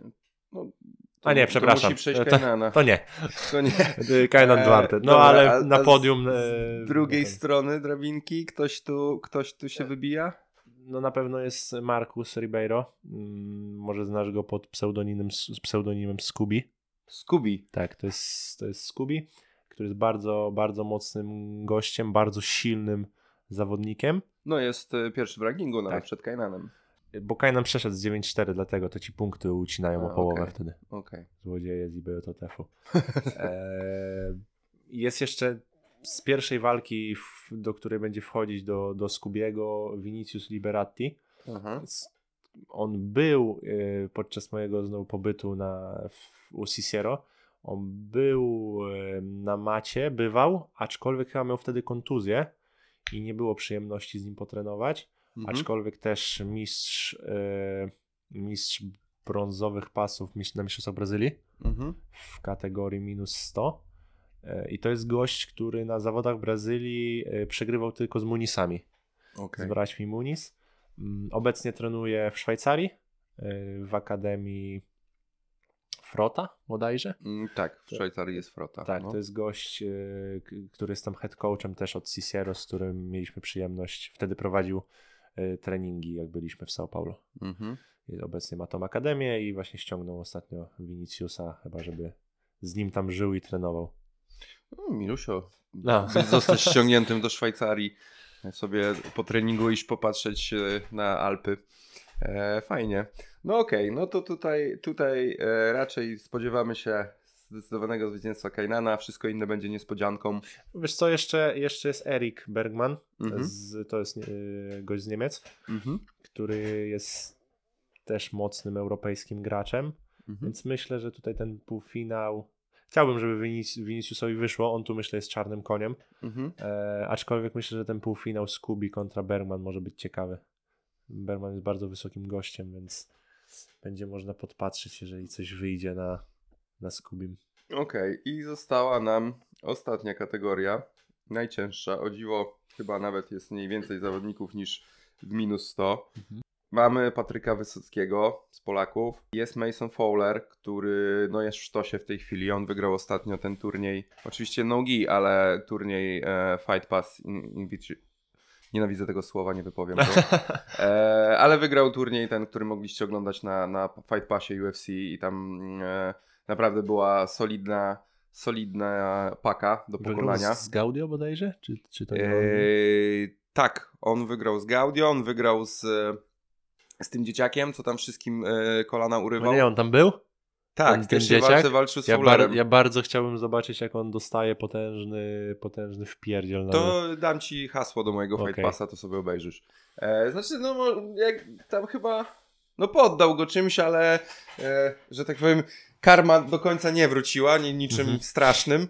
A no tak, ja na Twitterze ile się ludzie nawkurwiali na tego, nie pamiętam jak on się nazywa, ale jeżeli śledzicie chociaż trochę, no to kojarzycie Tak taki grubasek wiralem. w długich włosach, który po prostu planety. urywa nawet kolegom z klubu e, kolana e, na walkach. E, no ale tutaj no, Mason Fowler go w pierwszej walce właśnie na tym turnieju szybko skarcił. Wygrał cały turniej, także e, forma jest raczej wysoka. Zobaczymy jak sobie będzie radził w szmatach. E, jest Igor Silva z osób, które ja kojarzę, no weteran, już chyba trochę wiekowy, ale zawsze stanowiący jakieś zagrożenie. No i Łukasz Michalec. No tutaj ja się nie kieruję w ogóle rozumem rozsądkiem, bo Łukasz jest moim dobrym kolegą i bardzo chciałbym e, zobaczyć jak, jak robi fajny wynik, e, zwłaszcza, że no e, był bardzo niepocieszony mm, różnymi okolicznościami również, ale i wynikiem startu na, na Mistrzostwach Świata Nogi, e, więc na pewno będzie chciał to sobie e, odbić. Odpalamy drabinkę. Mają trochę pecha ci Polacy nasi, że jadą na światowe zawody i się spotykają w pierwszych, drugich walkach. Tak, no bo ona musiał zacząć walkę, to nie ten, ta Z drabinka. tego co pamiętam, to nie przyszedł gość w pierwszej walce Tak. do Łukasza i od razu kolejna była z Adamem Wardzińskim. Dokładnie, dokładnie, więc pierwszego dnia miał walkę tak naprawdę z wagą, a, a, a drugiego miał z Wardziakiem. No trochę właśnie słabo bicie z kolegą, gdzie wystarczy wsiąść w samochód i w trzy godziny być w Poznaniu, żeby z nim się pobić, nie? E, dobrze, to szukamy w takim razie. E, No tu jest, tu jest interesują. ciek- ciekawe, ciekawie uważam. Już z samej góry po lewej stronie e, bardzo charakterystyczny gość, którego można znać i z walki z Musumecim i z mm, walki z Lukasem Leprim, czyli Safe Edin, który waży 170 kg. U, E, To jest ten, ten. to jest ten słynny Okej. e, bodaj Belg bądź Francuz. Kurczę, nie wiem. Chyba Belk. Chyba Belk. Ym, zaraz to sprawdzimy. Albo nie, albo w ogóle on jest z jakiegoś Maroka. No, wiesz, Na- na pewno to jest- już nie wyklucza bycia Belgiem albo Francuzem, Na, nie? na pewno jest y, francuskojęzyczny. Maroka. E, Marokan Born Black Belt. A gdzie trenuje, to zaraz zobaczymy. Jezu, jaki on jest wielki. E, Również miał przyjemność Michale, przyjemność, nie przyjemność raczej walczyć Łukasz Michalec, ponieważ dosyć poważną kontuzję, y, po, poważnej kontuzji się nabawił po, w trakcie walki. Walczy z nim? Tak, sejfem. Join, Sakaria, Matthias Jardin, Gravning. No, w Paryżu w tej chwili trenuje. W Paryżu. Tak. Czyli, czyli, czyli jestem fran, fran, francusko ten, ale wywodzi się z Maroka. No tak, możecie sobie wygooglać, jeżeli nie kojarzycie, no bo faktycznie jego rozmiary robią, robią wrażenie. No jest, to, jest, to, jest to przegięcie. Ja, ja uważam jednak, że ta ultra heavy powinna mieć jakiś limit. Yy, No tak jak w MMA. W MMA tak. jest chyba 125 kg, jakby górna granica wagi ciężkiej. Na IJP też masz Mhm. 120 kg maksimum, nie? No, miałoby to sens. Z Nie, strony... nie wygląda on jak sportowiec, nie? No tak, ale z drugiej strony, czy... Czy myślisz, że on ma szansę wygrać tą kategorię? Wiesz co, to jest też taka duża niewiadoma, bo on zazwyczaj jest na podium. I to zazwyczaj sprawia takie niespodzianki. Wydaje mi się, że. I teraz, który to był rok? Yy, 2019 bądź 20, gdzie wygrał w kategorii z Mohamedem Alim. Okej. No Mohamed Ali trochę zniknął już, nie? No tak, tak, tak, tak. Ale był na topie. I to, był, to były te Mistrzostwa Europy, w których to Muhammad Ali i właśnie Safe walczył z Mike'iem Musumeczem. Mhm, Okej. Dobra, tam niżej w tej, w tej stronie drabinki mamy właśnie Patryka Wysockiego, który To pechowo troszkę też. y, w drugiej walce potencjalnie będzie miał Masona Fowlera, a w pierwszej walce Luis Marcos. E, kojarzysz zawodnika? Nic mi, nic mi to niestety nie mówi. Okej. E, No, czyli no tutaj kwestia zrobienia fajnej pierwszej walki e, i, i potem już tylko można zrobić niespodziankę, no bo jednak na pewno Mason Fowler będzie faworytem tej walki i w ogóle no tutaj do, do złotego medalu myślę, że też możemy powiedzieć, że jest faworytem. Koło mamy z drugiej strony? Łuki, Łuki walczy z Claytonem Rafaelem Floresem. Też, też nie kojarzysz, czy kojarzysz? Claytona, nie, za to Nie. drugiego zawodnika. Jeżeli go przejdzie, to ma Wallace'a Costę De Silva. Tak, tak. Tego już kojarzysz, tak? Kojarzę, tak, jest potężny, naprawdę, no, mo- monstrualny gość. Mhm. Mm, Bardzo, bardzo mocny, bardzo silny, siłowy jiu-jitsu. Zobacz sobie go. To sobie wrzucam w Google'a właśnie. Ale, Zobacz, ale to jest gość, ten- który w 2019 wygrał Panamsy w purpurach, Aha. a w 2021 już walczył na czarnych pasach e, i to dopiął, do, do, doszedł chyba do półfinału. Dla mnie jak ktoś wygrywa Panamsy w purpurach, to już dawno nie jest purpurą, tak naprawdę. No tak, gość jest duży, nie, nie taki gruby, tylko no widać, że kawał chłopa. E, stoi tutaj na, właśnie oglądamy fotkę na, na podium z tego 2009 w purpurach i no co, kolesi ma ze swojej kategorii, a, a, a wygląda na sporo większego od nich, a ten to w ogóle nie wygląda, nie wiadomo skąd się tu wziął. No okej, dobra, nie będziemy się śmiali. No to jest na Wyglądu. pewno Wallace Costa. Mhm, I na początku myślałem, że, że też dosyć pechowe, to masz inną drabinkę, o, mhm, też dosyć pechowe losowanie e, Łukasza. mhm. Aczkolwiek Wallace y, też jest takim gościem siłowym, który lubi się ponapierdzielać, więc myślę, że dla Łukasza to będzie idealna walka. On z tego na pewno wyciągnie mnóstwo radości, Mhm. y, ponieważ będzie można się ponapierdzielać. A mówiłeś jeszcze z Masonem, że zobaczymy jak w szmatach. Wiesz, że Mason ostatnio wygrał Brazyleiro na czarnych pasach. No wiem, ja nie wiem, wiem, że to nie jest zawodnik jakby nogi, który przychodzi walczyć w gi, natomiast chyba mimo wszystko jego tą mm, priorytetową płaszczyzną by było nogi, gdyby go zapytać, tak mi się wydaje, chociaż może nie. Obecnie ma większe sukcesy w kimonach. Znaczy nie wiem jak to wiesz, na to też patrzeć. Mm, Czy wygra- wygranie... Mason był zapraszany przez ADCC, czy wygrał trialsy? Wygrał trialsy raczej. Mm, chyba wygrał Wygrał, Trialsy, wygrał, wygrał, no. tak. No. Mm, No to nie wiem, czy co jest większym sukcesem. Czy wygranie Brazyleiro na czarnych pasach, czy jednak wygranie trialsów. No mi się wydaje, że jednak Brazyleiro, nie? Mhm. Gdzie przegrywał z Gutenbergiem Pereirą. Bardzo, bardzo polecam walkę, bo duży comeback nam się wydarzył. Okej, sprawdzajcie. No słuchajcie, jakby mimo wszystko wydaje mi się, że tutaj e, Łukasz właśnie no, ma szansę powalczyć. Nie, nie wiemy nic o jego pierwszym przeciwniku, więc zakładamy, że jest do przejścia. E, oczywiście może się okazać też geniuszem ukrytym gdzieś w amazońskiej dżungli, o którym nikt wcześniej nie słyszał. Mm, Wallace Costa da Silva mówisz, no jakby faworyt, ale do przejścia. No tutaj będzie wtedy półfinał z kimś tutaj właśnie Igor Silva, Wesley Lopez, Pedro Pessoa, Kietel Hope. O, dobra, nie wypowiadam to, to jakiś e, Skandynaw z Frontline. Więc no, może finał byłby w zasięgu. No jakbym, jak- jakbym zasięgu mówisz? Łukasza. Łukasza, tak.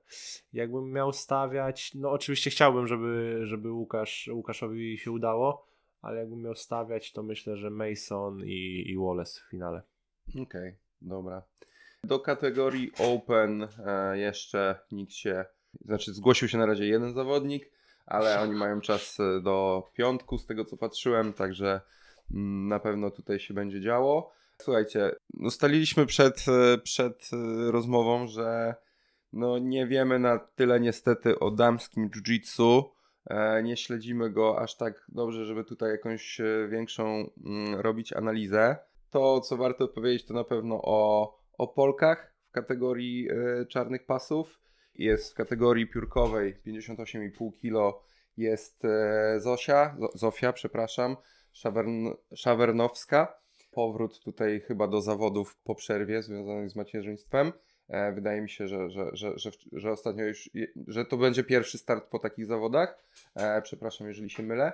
E, no i na, na pewno rzuca się w uwagę, że zawodniczka, która ma nazwisko również Dalpra. To jest żona. Żona czy siostra? Żona. żona. Czy, czy ona też robi wyniki? Kojarzysz?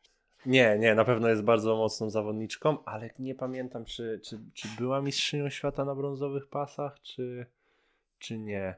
E, A wiesz co, powiedz od pierwszej kategorii, bo to aż tak, żeby, żeby nic, nic nie wiedzieć, to bez przesady, ale no mamy na przykład na pewno faworytów, można, Mhm. można nadmienić. To jest Dobra. Jessa Khan z Art of Jiu-Jitsu. Czyli kategoria Rooster 48,5 kg. Je- Jasmine Khan, tak? Art Tak, of Tak, Jiu-Jitsu. No to tutaj śledźcie właśnie. E, tutaj uznajemy ją za faworytkę. Myślę, Kolejna kategoria. Dla, Mhm. dla kobiecego jiu-jitsu nie trzeba nikomu przedstawiać Jessy, także... Mhm. E, No kolejna kategoria, to jest zdecydowana faworytka Maisa Bastos z Unity, Mhm. która ostatnio pokazuje naprawdę genialny poziom techniczny. Mm, ostatnio, no już od, jak, od jakiegoś czasu, ale, ale no, no wiesz co, jakbym miał powiedzieć, czy, czy, czy kogoś oglądam, śledzę z kobiecego jiu no to na pewno Majsę sobie czasem odpalę. Okej. To jest kategoria Light Feather 53,5.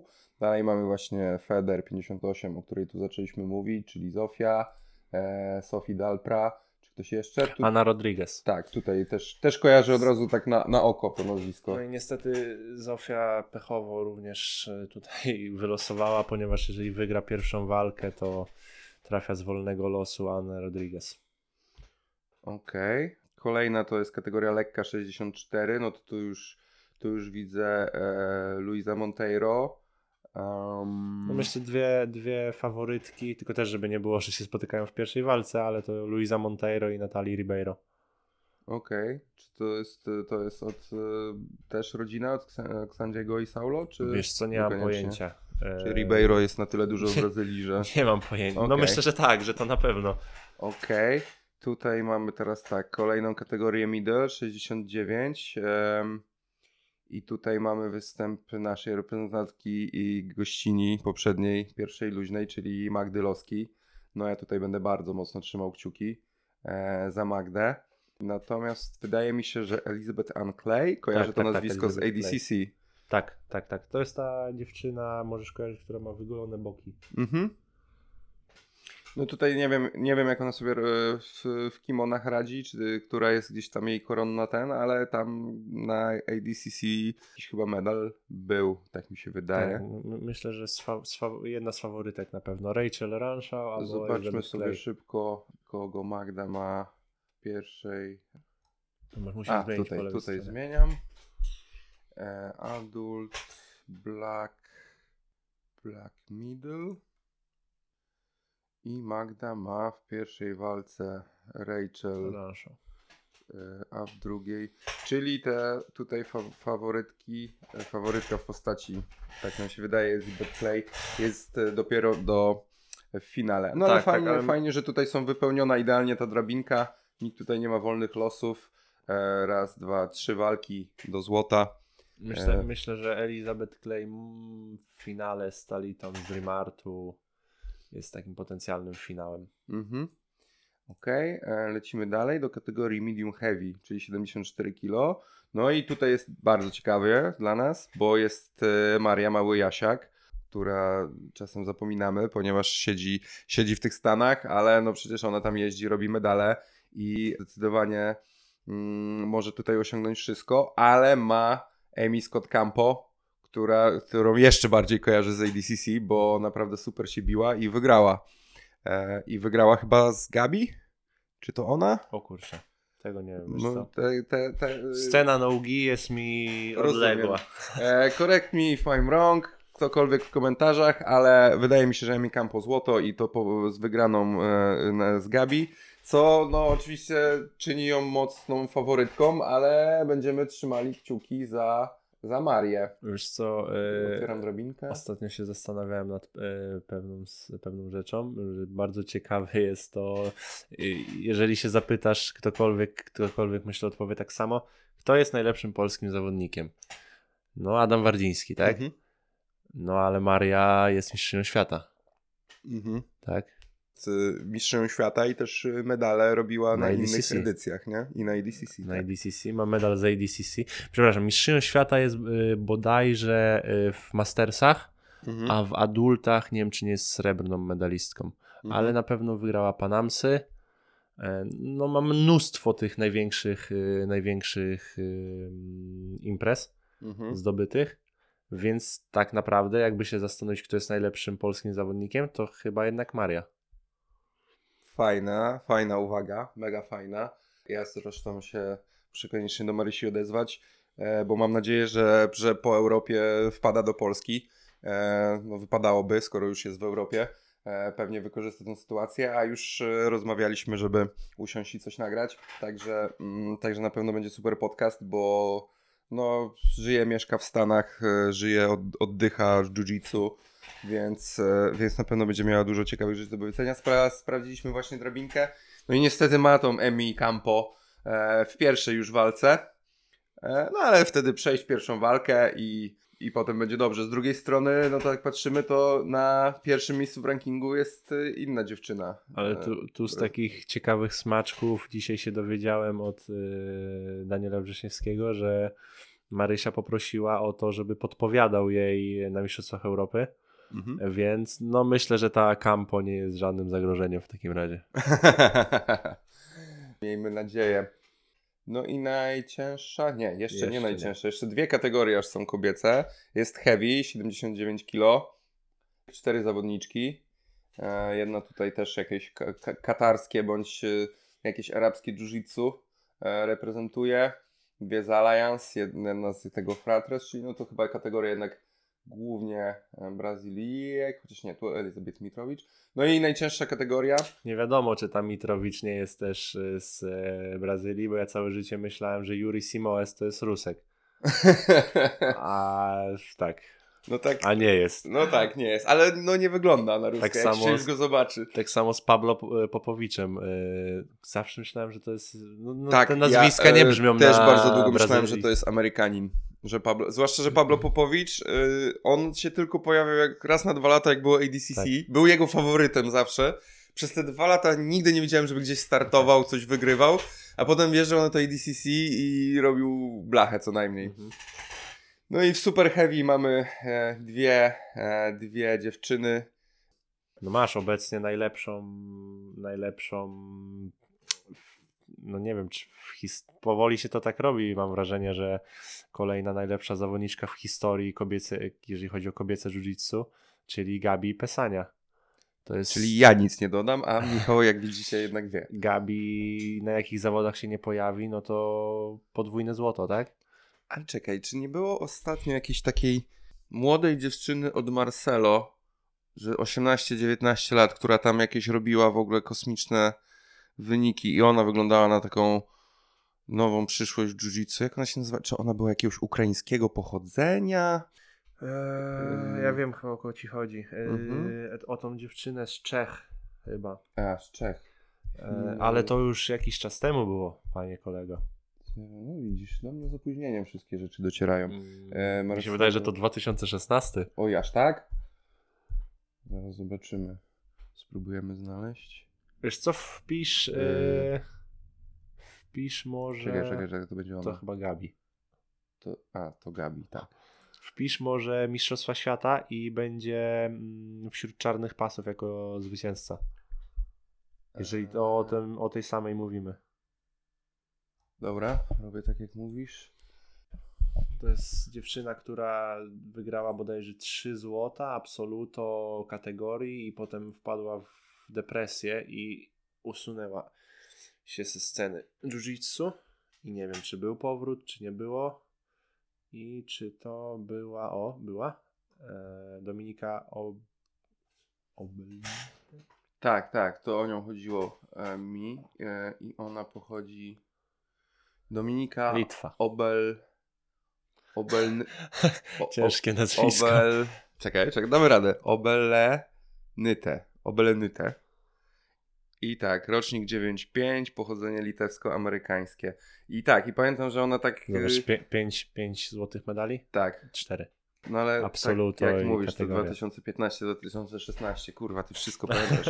No widzisz, no ja niestety taka moja wiedza o żeńskim jiu-jitsu, że się zatrzymałem, zatrzymałem na niej, no ale kto wie, no może jeszcze, może jeszcze wróci, no Marcelo wyjdzie z raka, a Dominika wróci do, do Mistrzostw Świata. Kurczę, jak za, zapłonął świat jiu-jitsu, nie? Po tej informacji o Marcelo. No pewnie, to jest taki ojciec, kurczę, taki wujek, nie? Mhm. Taki najlepszy wujek całego jiu-jitsu. Gość, którego nie znajdziesz osoby chyba, którego nie lubi. On i Bernardo Faria, mam wrażenie. No, pewnie tak, tylko że Marcelo jest jeszcze bardziej rozpoznawalny, nie? Mhm. A to jest śmieszne, znaczy nie jest śmieszne, bo oczywiście Marcelo jak najbardziej zasłużył, ale chodzi mi o to, że Bernardo nie jest tak rozpoznawalny i sam kiedyś złapałem się na tym, że no bo Bernardo wygląda jak jakiś właśnie śmieszny, Mhm. łysiejący wujek, nie? Mhm. No, jak to mówi, te huge honor Mhm. e, i, i to jak tą swoją aparycją e, i kiedyś wpisałem, żeby zobaczyć jakąś jego walkę i bodajże trafiłem na walkę z Leandro, gdzie on po prostu wjeżdża w oczach po prostu obłęd, same szaleństwo, wjeżdża w Leandro, poddaje go z tego co pamiętam balachą na nogę z przejścia z połówki. No Mhm. Bernardo był strasznym zwierzakiem, jeżeli chodzi o walkę, to była porada pełną gębą. Mhm. No, fajnie, że znalazł pomysł na siebie z, z tym swoim kanałem e, i no, z BJJ Fanatics też, e, też działa. No jemu chyba po prostu brakowało też właśnie tych sukcesów na ADCC, jak a ADCC no zawsze, roz, twoją rozpoznawalność zawsze po prostu nic Mhm. tak nie rozdmucha w świadku grapplingowym jak ADCC i na, nie, że tylko teraz, kiedy to Jiu-Jitsu na trochę inny level, jakiś taki biznesowo-marketingowy, ale ale zawsze, no a jak e, po prostu, no, no każdy pamięta, jak Marcelo się bił z Rico Rodriguezem, z tym wielkim takim Amerykaninem i, i, i- i go gdzieś tam poddawał, jak e, Shaolina poddał. Także kurczę, no po prostu łatwiej jest e, zostać gwiazdą jiu-jitsu, jak, jak wiedziesz też na ADCC i coś tam zrobisz, co jest w tej chwili już trudne dla zawodnika, jakby, który trenuje gi, no bo to No, nie to- odkrywamy Ameryki, to ta dyskusja pojawia się wiecznie, że, że no już jakby coraz trudniej robić jedno i drugie na tak samo wysokim poziomie, nie? Wiesz co, może i tak, ale zawsze jak przychodzi ta dyskusja, to e, ja, dosy, ja często lubię sobie jakieś takie, czy w głowie, czy nawet na kartce statystyki różne pozapisywać. Mhm. I z tego co pamiętam, na ostatnich ADCC, jeżeli chodzi o mistrzów, to tylko jeden nie był kimoniarzem. Okej. Bo wiesz co, o braciach Rotulo troszkę Go- się Gordon. zapomina. Tak, tylko Gordon. E, Co, y, Shea- najlżejsza kategoria 6-6 Sh- Baby Shark, kimoniarz. 7-7 Rotulo, tak? I dużo osób mówi, nie, że Rotulo nie są kimoniarzami. Przecież oni od dziecka w kimonach startowali. Mhm. Właśnie więcej w kimonach startowali od dziecka niż w nogi. Mhm. Tak? To jest ostatnio jakiś taki przerzut na te nogi, ale oni czy o sobie, jak mówią, czy, e, czy po prostu jak prześledzisz ich karierę, no to to są jak najbardziej kim- kimoniarze. Mhm. E, 8-8 Bodoni. Gian- Giancarlo, który był kimoniarzem, tak? Mhm. 9-9 e, Kainan Duarte, Mhm. który po prostu z Craigiem zrobił e, ała. Mhm. No masz rację, masz faktycznie I, ty, i rację. tylko, tylko wchodzi plus, e, który wygrał Gordon, który nie jest kimoniarzem, tak? A nawet jak prześledzisz miejsca mm, medalowe, nie, nie tylko z, zwycięzców, no to wśród niekimoniarzy był tam tylko chyba Craig, Nick e, Rodriguez, Mhm. nie wiem jak dalej. Nie chcę też, y, nie pamiętam teraz e, Mhm. No, każdego musimy- podium, ale Musieli wyciągnąć, wyciągnąć wyniki, ale to już temat zostawimy może na, na, na podcast taki tradycyjny, który z, zrobimy na pewno. E, dobra, pogadajmy o brązowych pasach. Nie będziemy tu już tak dokładnie każdej kategorii rozkminiać, bo to też e, nie, no, już trochę, trochę nagrywamy to raz, a dwa, że no na, nawet Michał chyba wie trochę, troszeczkę mniej o brązach niż o czarnych pasach. Troszeczkę chociaż. E, więc tutaj troszeczkę dam tobie e, więcej, więcej do powiedzenia. Jak jeżeli, jeżeli jakąś kategorię po prostu chcemy przeskoczyć, to, to przeskoczymy. Ale no może mimo wszystko zaczniemy od tej, tej, tej lekkiej, bo mamy tutaj dwóch Polaków. Tutaj od nas Jurek Izdebski i, i Wojtek Grys, którzy się bili ze sobą w Polsce wiele, wie, wiele razy. no spójrz z jakiego klubu startują obydwoje. To nie jest przypadek. To nie jest Żeby przypadek. się zrobili tak, żeby się nie spotkać w pierwszej walce. Może. Czy, czy o kimś jeszcze chciałbyś tutaj powiedzieć? E, Wesley Costa to jest gość, z którym trenowałem też Cicero. Mm, ale oprócz tego Jerzy Zdebski, Wojciech Grys. Jerzy Zdebski, Wojciech Grys, polski, polski finał w kategorii brązowych pasów 57,5 kg. Lightfeather 64. Tutaj no dużo zawodników, Polaków żadnych nie mamy.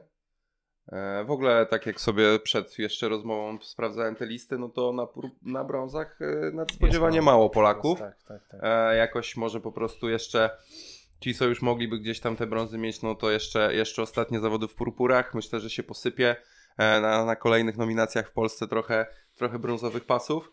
czy, wiesz co, może podejdźmy do tego na zasadzie, czy, czy, czy ktoś, kojarzysz jakichś zawodników, y, o których na pewno warto, warto by wspomnieć, którzy robią duży szum, szum Co? w tych brązach. Pojedźmy i... na pewno do 8-2 kategorii. Dobra, przechodzimy do, do 8-2. E, no bardzo dużo tu już w porównaniu do czarnych, jeśli sobie 27. patrzymy zawodników. No i na pewno jest e, Pizarro, Mhm. który Young Blood Pizarro. Który z tego co pamiętam jest e, złotym medalistą poprzednich Mistrzostw Europy w brązach w e, 8-2. Mhm. Wygrał między innymi z Kubą Knightkiem. Mhm. A już dwa razy się w ogóle spotkał z Kubą Knightkiem też na Mistrzostwach Świata, na których razem byliśmy z Kubą. Tam w drugiej walce się, się spotkał z Pizarro. Mhm. Mm, Mocny gość, piekielne berimbolo, bardzo techniczne. I to na pewno tego kojarzę. Myślę, że faworyt, faworyt w tej kategorii. Mhm. E, W 8-8 na pewno jest bardzo znany, o, o którym ci mówiłem, czyli Anderson Ferreira. Mhm. E, I myślę, że to też jest e, jeden z U faworytów. Anderson, jakie U Anderson, imię. tak. U Anderson. U Anderson. I jest to jeden na pewno z faworytów. Jeszcze myślę, znam Gracie Barry, poszukajmy. E, do góry, do góry. A w tej kategorii. O, jest, poczekaj. E, Adoriana. Charles Adorian. Charles Bardzo Adorian. mocny gość, który gra lapelami. Mm, Więc stąd, stąd kojarzę. No, myślę, że myślę, że dwóch, dwóch gości, którzy mo- mogą się pobić o tytuł pomiędzy mnóstwem pewnie utalentowanych Brazoli, Mhm. których, których nie znamy. Okej. Czy coś 9-4? No z 9-4 ciężkiej na pewno kategorii? polski akcent, czyli Patryk Smoszna. Tak jest. Jestem bardzo ciekawy, jak w, w wyższych pasach na, na arenie No międzynarodowej. tak, bo Patryk jest w miarę świeżym brązem, prawda? No tak, no bardzo, bardzo świeżym, ale jest piekielnie mocnym zawodnikiem, który Mhm. na purpurach osiągnął bardzo dużo. Mhm. Z tego co pamiętam, srebro w kategorii na Mistrzostwach Europy, e, brąz w Absoluto oraz brąz na Mistrzostwach Świata w kategorii, więc myślę, że jak najbardziej może się tutaj też pobić o, o podium. Okej. Patrzę, czy mamy jeszcze w wagach ciężkich jakichś Polaków, ale chyba nie. Bo tak jak mówiłem, jakoś mało tych brązów. E, No coś jest w tym roku. No, mówię, no może zostali na purpurach, żeby pobić się na tej Europie. Tutaj widzimy Magda Krzyszczak e, w, w kobiecych kategoriach brązów, w kategorii 58,5 kg z Czekmatu. O, Emilii Pakulski. To jest e, dziewczyna, która trenuje w Stanach w Unity, ale ma polskie korzenie i była u nas nieraz e, w złomiarzu. O, Mistrzyni świata purpurowych pasów. a to ja chyba nawet, e, tak, kojarzę. Bodajże Pamiętam. kategorii Absoluto w 2021. No to elegancko, czyli, czyli poszła do brązów, bardzo, bardzo fajnie. Patrzę jeszcze, czy coś, czy mamy tu jakieś Polki. O, Mariola Marczewska z Zenitu kategorii light 64 Mhm. kg. E, no mam nadzieję, że dziewczyny tutaj, tutaj obronią honor naszych Tak, e, dziewczyny- brązowych Dziewczyny pasów. trzymają poziom, a nie. Tak, no bardzo dużo dziewczyn w ogóle startuje i, i naprawdę to jest w ogóle mega się patrzy. E, ja nie bez powodu też e, już chyba w dwóch, e, dwóch podcastach, na pewno w podcaście z Adą Wojarską pytałem, czy, czy właśnie następny Adam Wardziński, który się wywodzi z Polski, będzie, będzie mężczyzną, czy będzie kobietą, czy, Mhm. czy następną taką osobą, która się wbije naprawdę do, do topu światowego. E, większą mamy szansę na, na kolejnego faceta, czy, czy może właśnie będzie to dziewczyna? Masz jakąś refleksję na ten temat, skoro już zahaczyliśmy o ten temat? Kurczę, nie myślałem o Znaczy, słuchając podcastów się nad tym zastanawiałem. Myślę, że Ada bodajże wspomniała, że dziewczynie będzie to zrobić łatwiej, Mhm. ponieważ ta, ta mm, rywalizacja nie jest może aż tak duża. Mhm. E, nie mówię, że, tak do, e, że poziom nie jest Mhm. e, tak duży, bo jest również piekielny, aczkolwiek no, jednak widzimy różnicę w ilości zawodniczek porównując do ilości zawodników No w kategoriach, ale nie wiem, wiesz co? Nie wiem, naprawdę. Okej. Cię, E, ciężko, ciężko dobra. powiedzieć. Podobnie, już w takiej trochę skróconej formie, powiemy o purpurach. Tu więcej będę wiedział. O proszę. Mm, To by się brązami to by się- interesował. Tak, brązy i tak e, będą za chwilę czarnymi w 90%, więc wtedy będzie się o nich rozmawiało. A z purpurami jeszcze mogło, może dużo rzeczy się wydarzyć. Okej, nie wiem, czy coś z tych ba- malutkich kategorii E, coś chcemy powiedzieć, czy przejść do tych bardziej Mm, popularnych? Tutaj w tej 5-7 wydaje. Weź na górę? Mhm. Możesz? Wydaje mi się, że powinien być. O, Marcos Gomez z Dream Artu. Z Mhm. którym również miałem przyjemność trenować w Cicero. Jest to gość, który przegrał w półfinale na ostatnich Worldsach z Jurkiem. Mhm. Ale od tego czasu myślę mocny, mocny progres, progres, więc jest to duży faworyt tej kategorii. Tak, plus został jeszcze na purpurze. Tak. Widocznie bardzo chce tą blaszkę. Okej, patrzymy tutaj sobie szybko Chyba przejeżdżamy przez kolejną kategorię. Tutaj jest a, Adam Beczkowski, Gracie Bara. No podejrzewam, że tutaj już trochę, trochę Polaków e, będzie, więc nie będziemy w stanie wymienić wszystkich. E, 70 kilo. O Jezu, 55 osób. O, no tak, no to, to, to jednak jest się z kim pobić w tych niższych kategoriach. Mm, I naprawdę to też du, dużo, dużo zmiennych, żeby wygrać takie purpury, nie? Mhm. Jakby forma formą, ale dyspozycja dnia, wszystko, nie? No jednak to, to jak jest ilu? 60, no to po rundzie zostaje 30, No masz 15, sześć walk. 6 walk. No 6 walk to 6 walk wygrać to naprawdę to naprawdę jest dużo. Mhm, Patrzymy, ja tak sobie powoli przewijam. Myślę, że Michał patrzy. 7-6 będzie pierwsza osoba, którą bardziej, bądź w 8-2, którą Mhm. bardziej znam, ale Jesteśmy na zobaczmy. Wiem, 7-6. czy- O, jest jakiś Enzo Kubota. To tutaj powinniśmy jako Polacy kibicować. Wojciech Oleksik, Wojciech Oleksik, Polska. Przewijamy, Sebastian przewijamy. Patyk. No trochę Polaków jest. Tak, gdzie, gdzie pamiętajcie, przeglądamy tylko adultów. Myślę, że sporo osób jednak też y, w Masters 1 się będzie biło. A, Tak. no bo jednak to, wiecie, 30 lat to wcale niedużo, żeby być Mastersem. No ja najbardziej kojarzę tą topkę purpur e, w Polsce, czyli właśnie przeszliśmy do kategorii 8-2, więc Mhm. na pewno znany, znany w Polsce Igor Dziąg. Jest, Igor. Dziąg. Jest Igor, z Igorem parę dni temu robiłem jego ostatni trening przed, y, przed wyjazdem.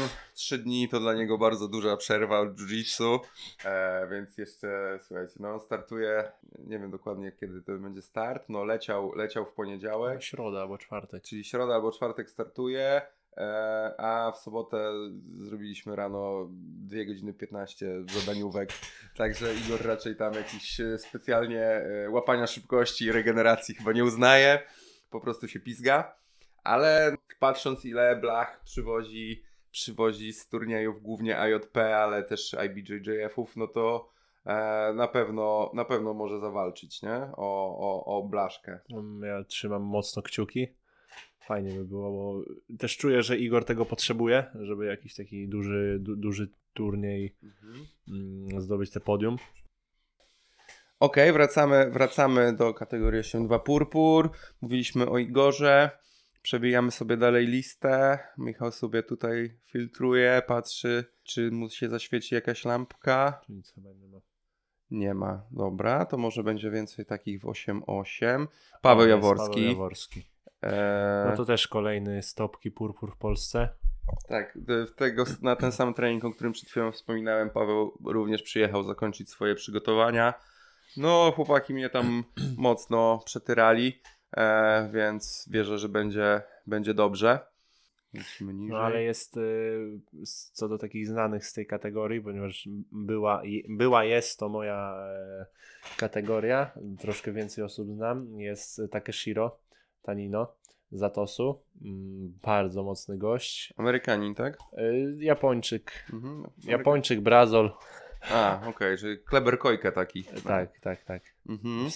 Tak, a, a Japończyk, Brazil bądź sam Japończyk. Teraz nie, nie, nie pamiętam dokładnie, aczkolwiek co pamiętam, no to, że jest to topka światowa jak najbardziej Mhm. i jeden z tych gości, który już by mógł startować na czarnych pasach, Mhm. ale jakąś tam drogę tam, no ma dopiero 19 lat, więc, więc ciężko też to pewnie jakoś zrobić. Wicemistrz świata ostatnich Worldsów i z tego co pamiętam, jak ja byłem w 2021 na Worldsach, to on walnął podwójne złoto w juniorach na O. niebieskich pasach. O, o tak, znamy I, z- i, takich z i, juniorów. z- I z tego wyszedł od razu do adultów i, i, i leje tam ludzi, tak? Jest jeszcze Emil Bodzioch z, z Rio Grappling. Mhm. Też bardzo mocny, mocny młody, bardzo mocna młoda purpura. Mhm. I brakuje, kogo brakuje? Mateusza brakuje. Z którym też ostatnio gadałeś. Mateusza Mazura. Tak. A mówił, że będzie startował. Może, może, może tak zwany mój myk od. od No właśnie, Michał, też. powiedz, powiedz, dlaczego nie startujesz, żeby to była jasność, dlaczego tutaj siedzimy, a, a dlaczego nie masz y, biletu już na jutro na samolot. Były- Bo dużo osób mnie pytało. Tak, tak. Ja też się muszę niestety codziennie. y, Muszę dźwigać ten kamień swojego gapiostwa i codziennie tłumaczyć ludziom, że, że nie jadę. Mm, Dosyć długo czekałem na to, aż y, head coach Brasy y, kliknie w systemie, że, że jestem jego zawodnikiem, przez co mógłbym potem kupić licencję.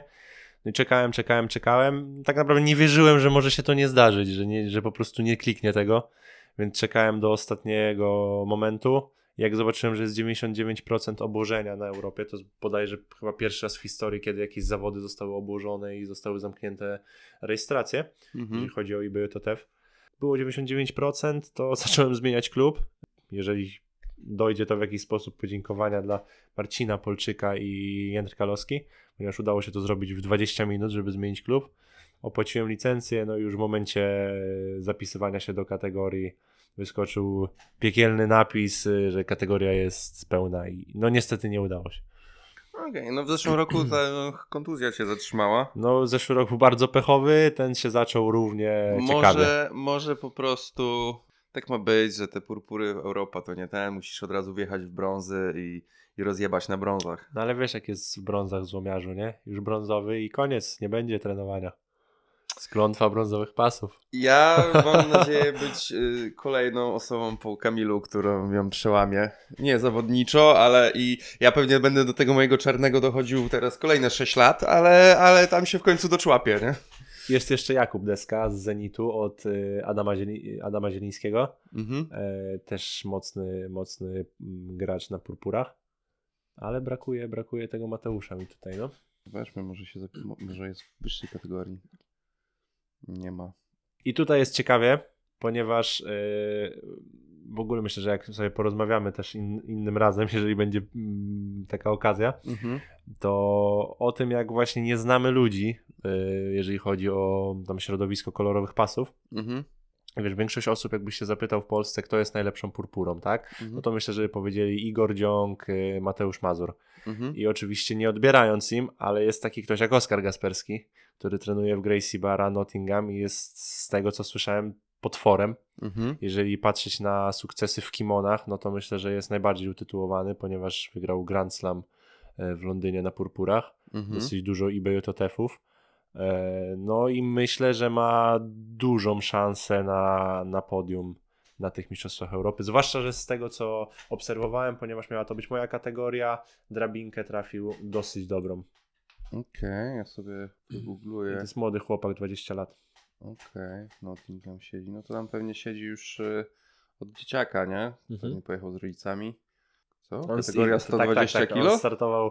Z tego co pamiętam z opowiadań Kuby, to Oskar ważył około 120 kilo przy wzroście, nie wiem, około 1,80 m, więc był ogromnym gościem. Mhm. Jest bardzo silny i z tego co pamiętam ma piekielnego Taktarowa i Torando. Okej. Że naprawdę przyjeżdżają mocni, mocni goście i twierdzą, że jak Oskar złapie już nogawki, no to, no to nie zerwiesz tych nogawek. Okej.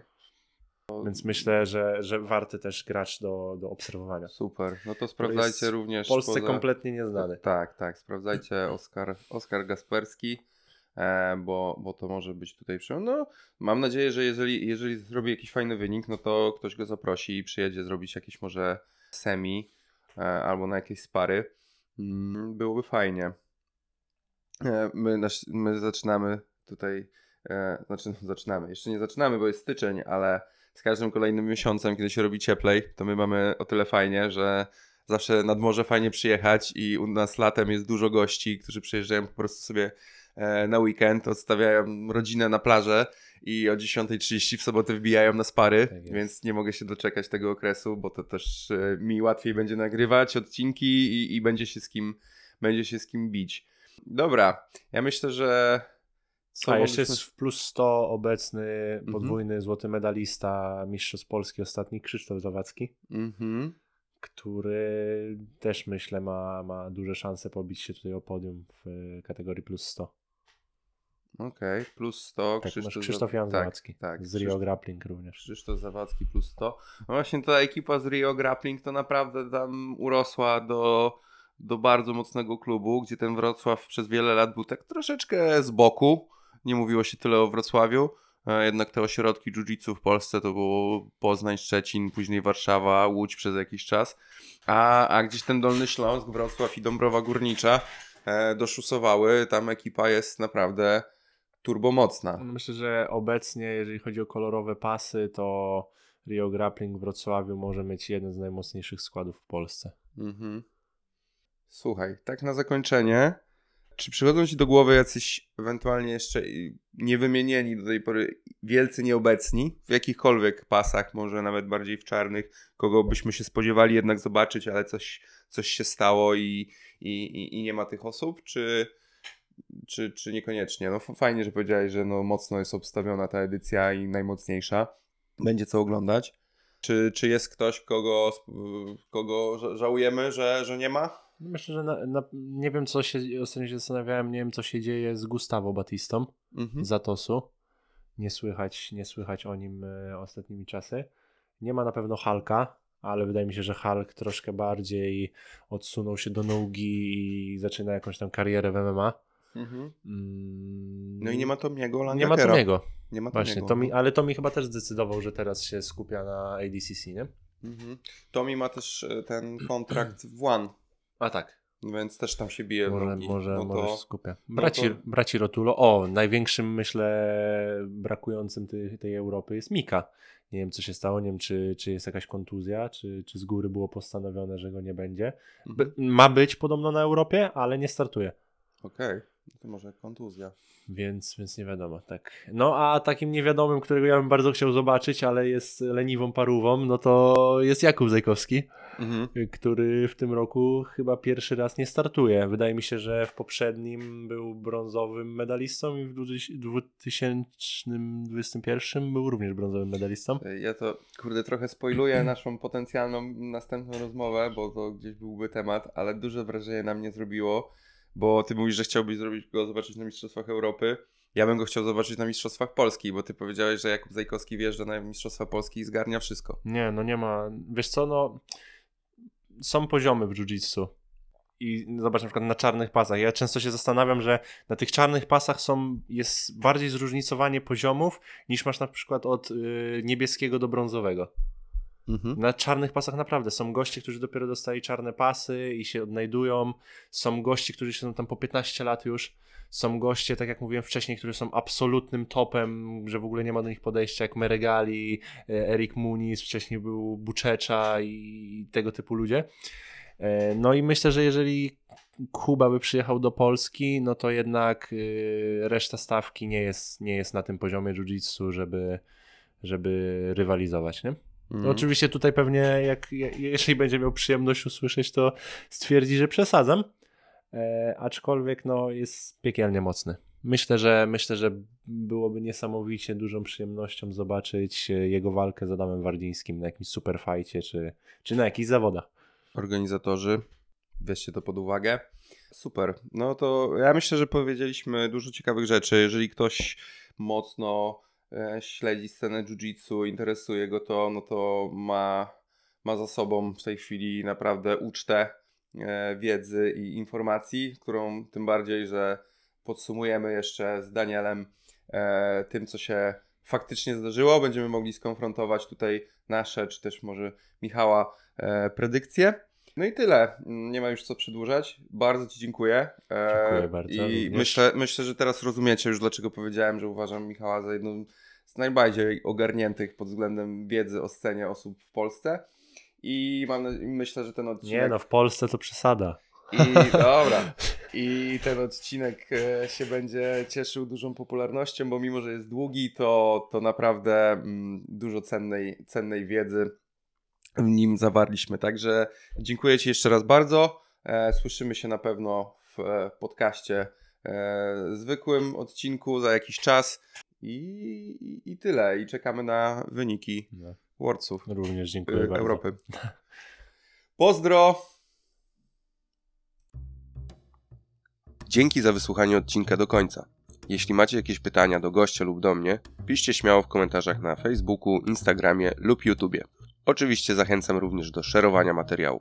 Os i do usłyszenia.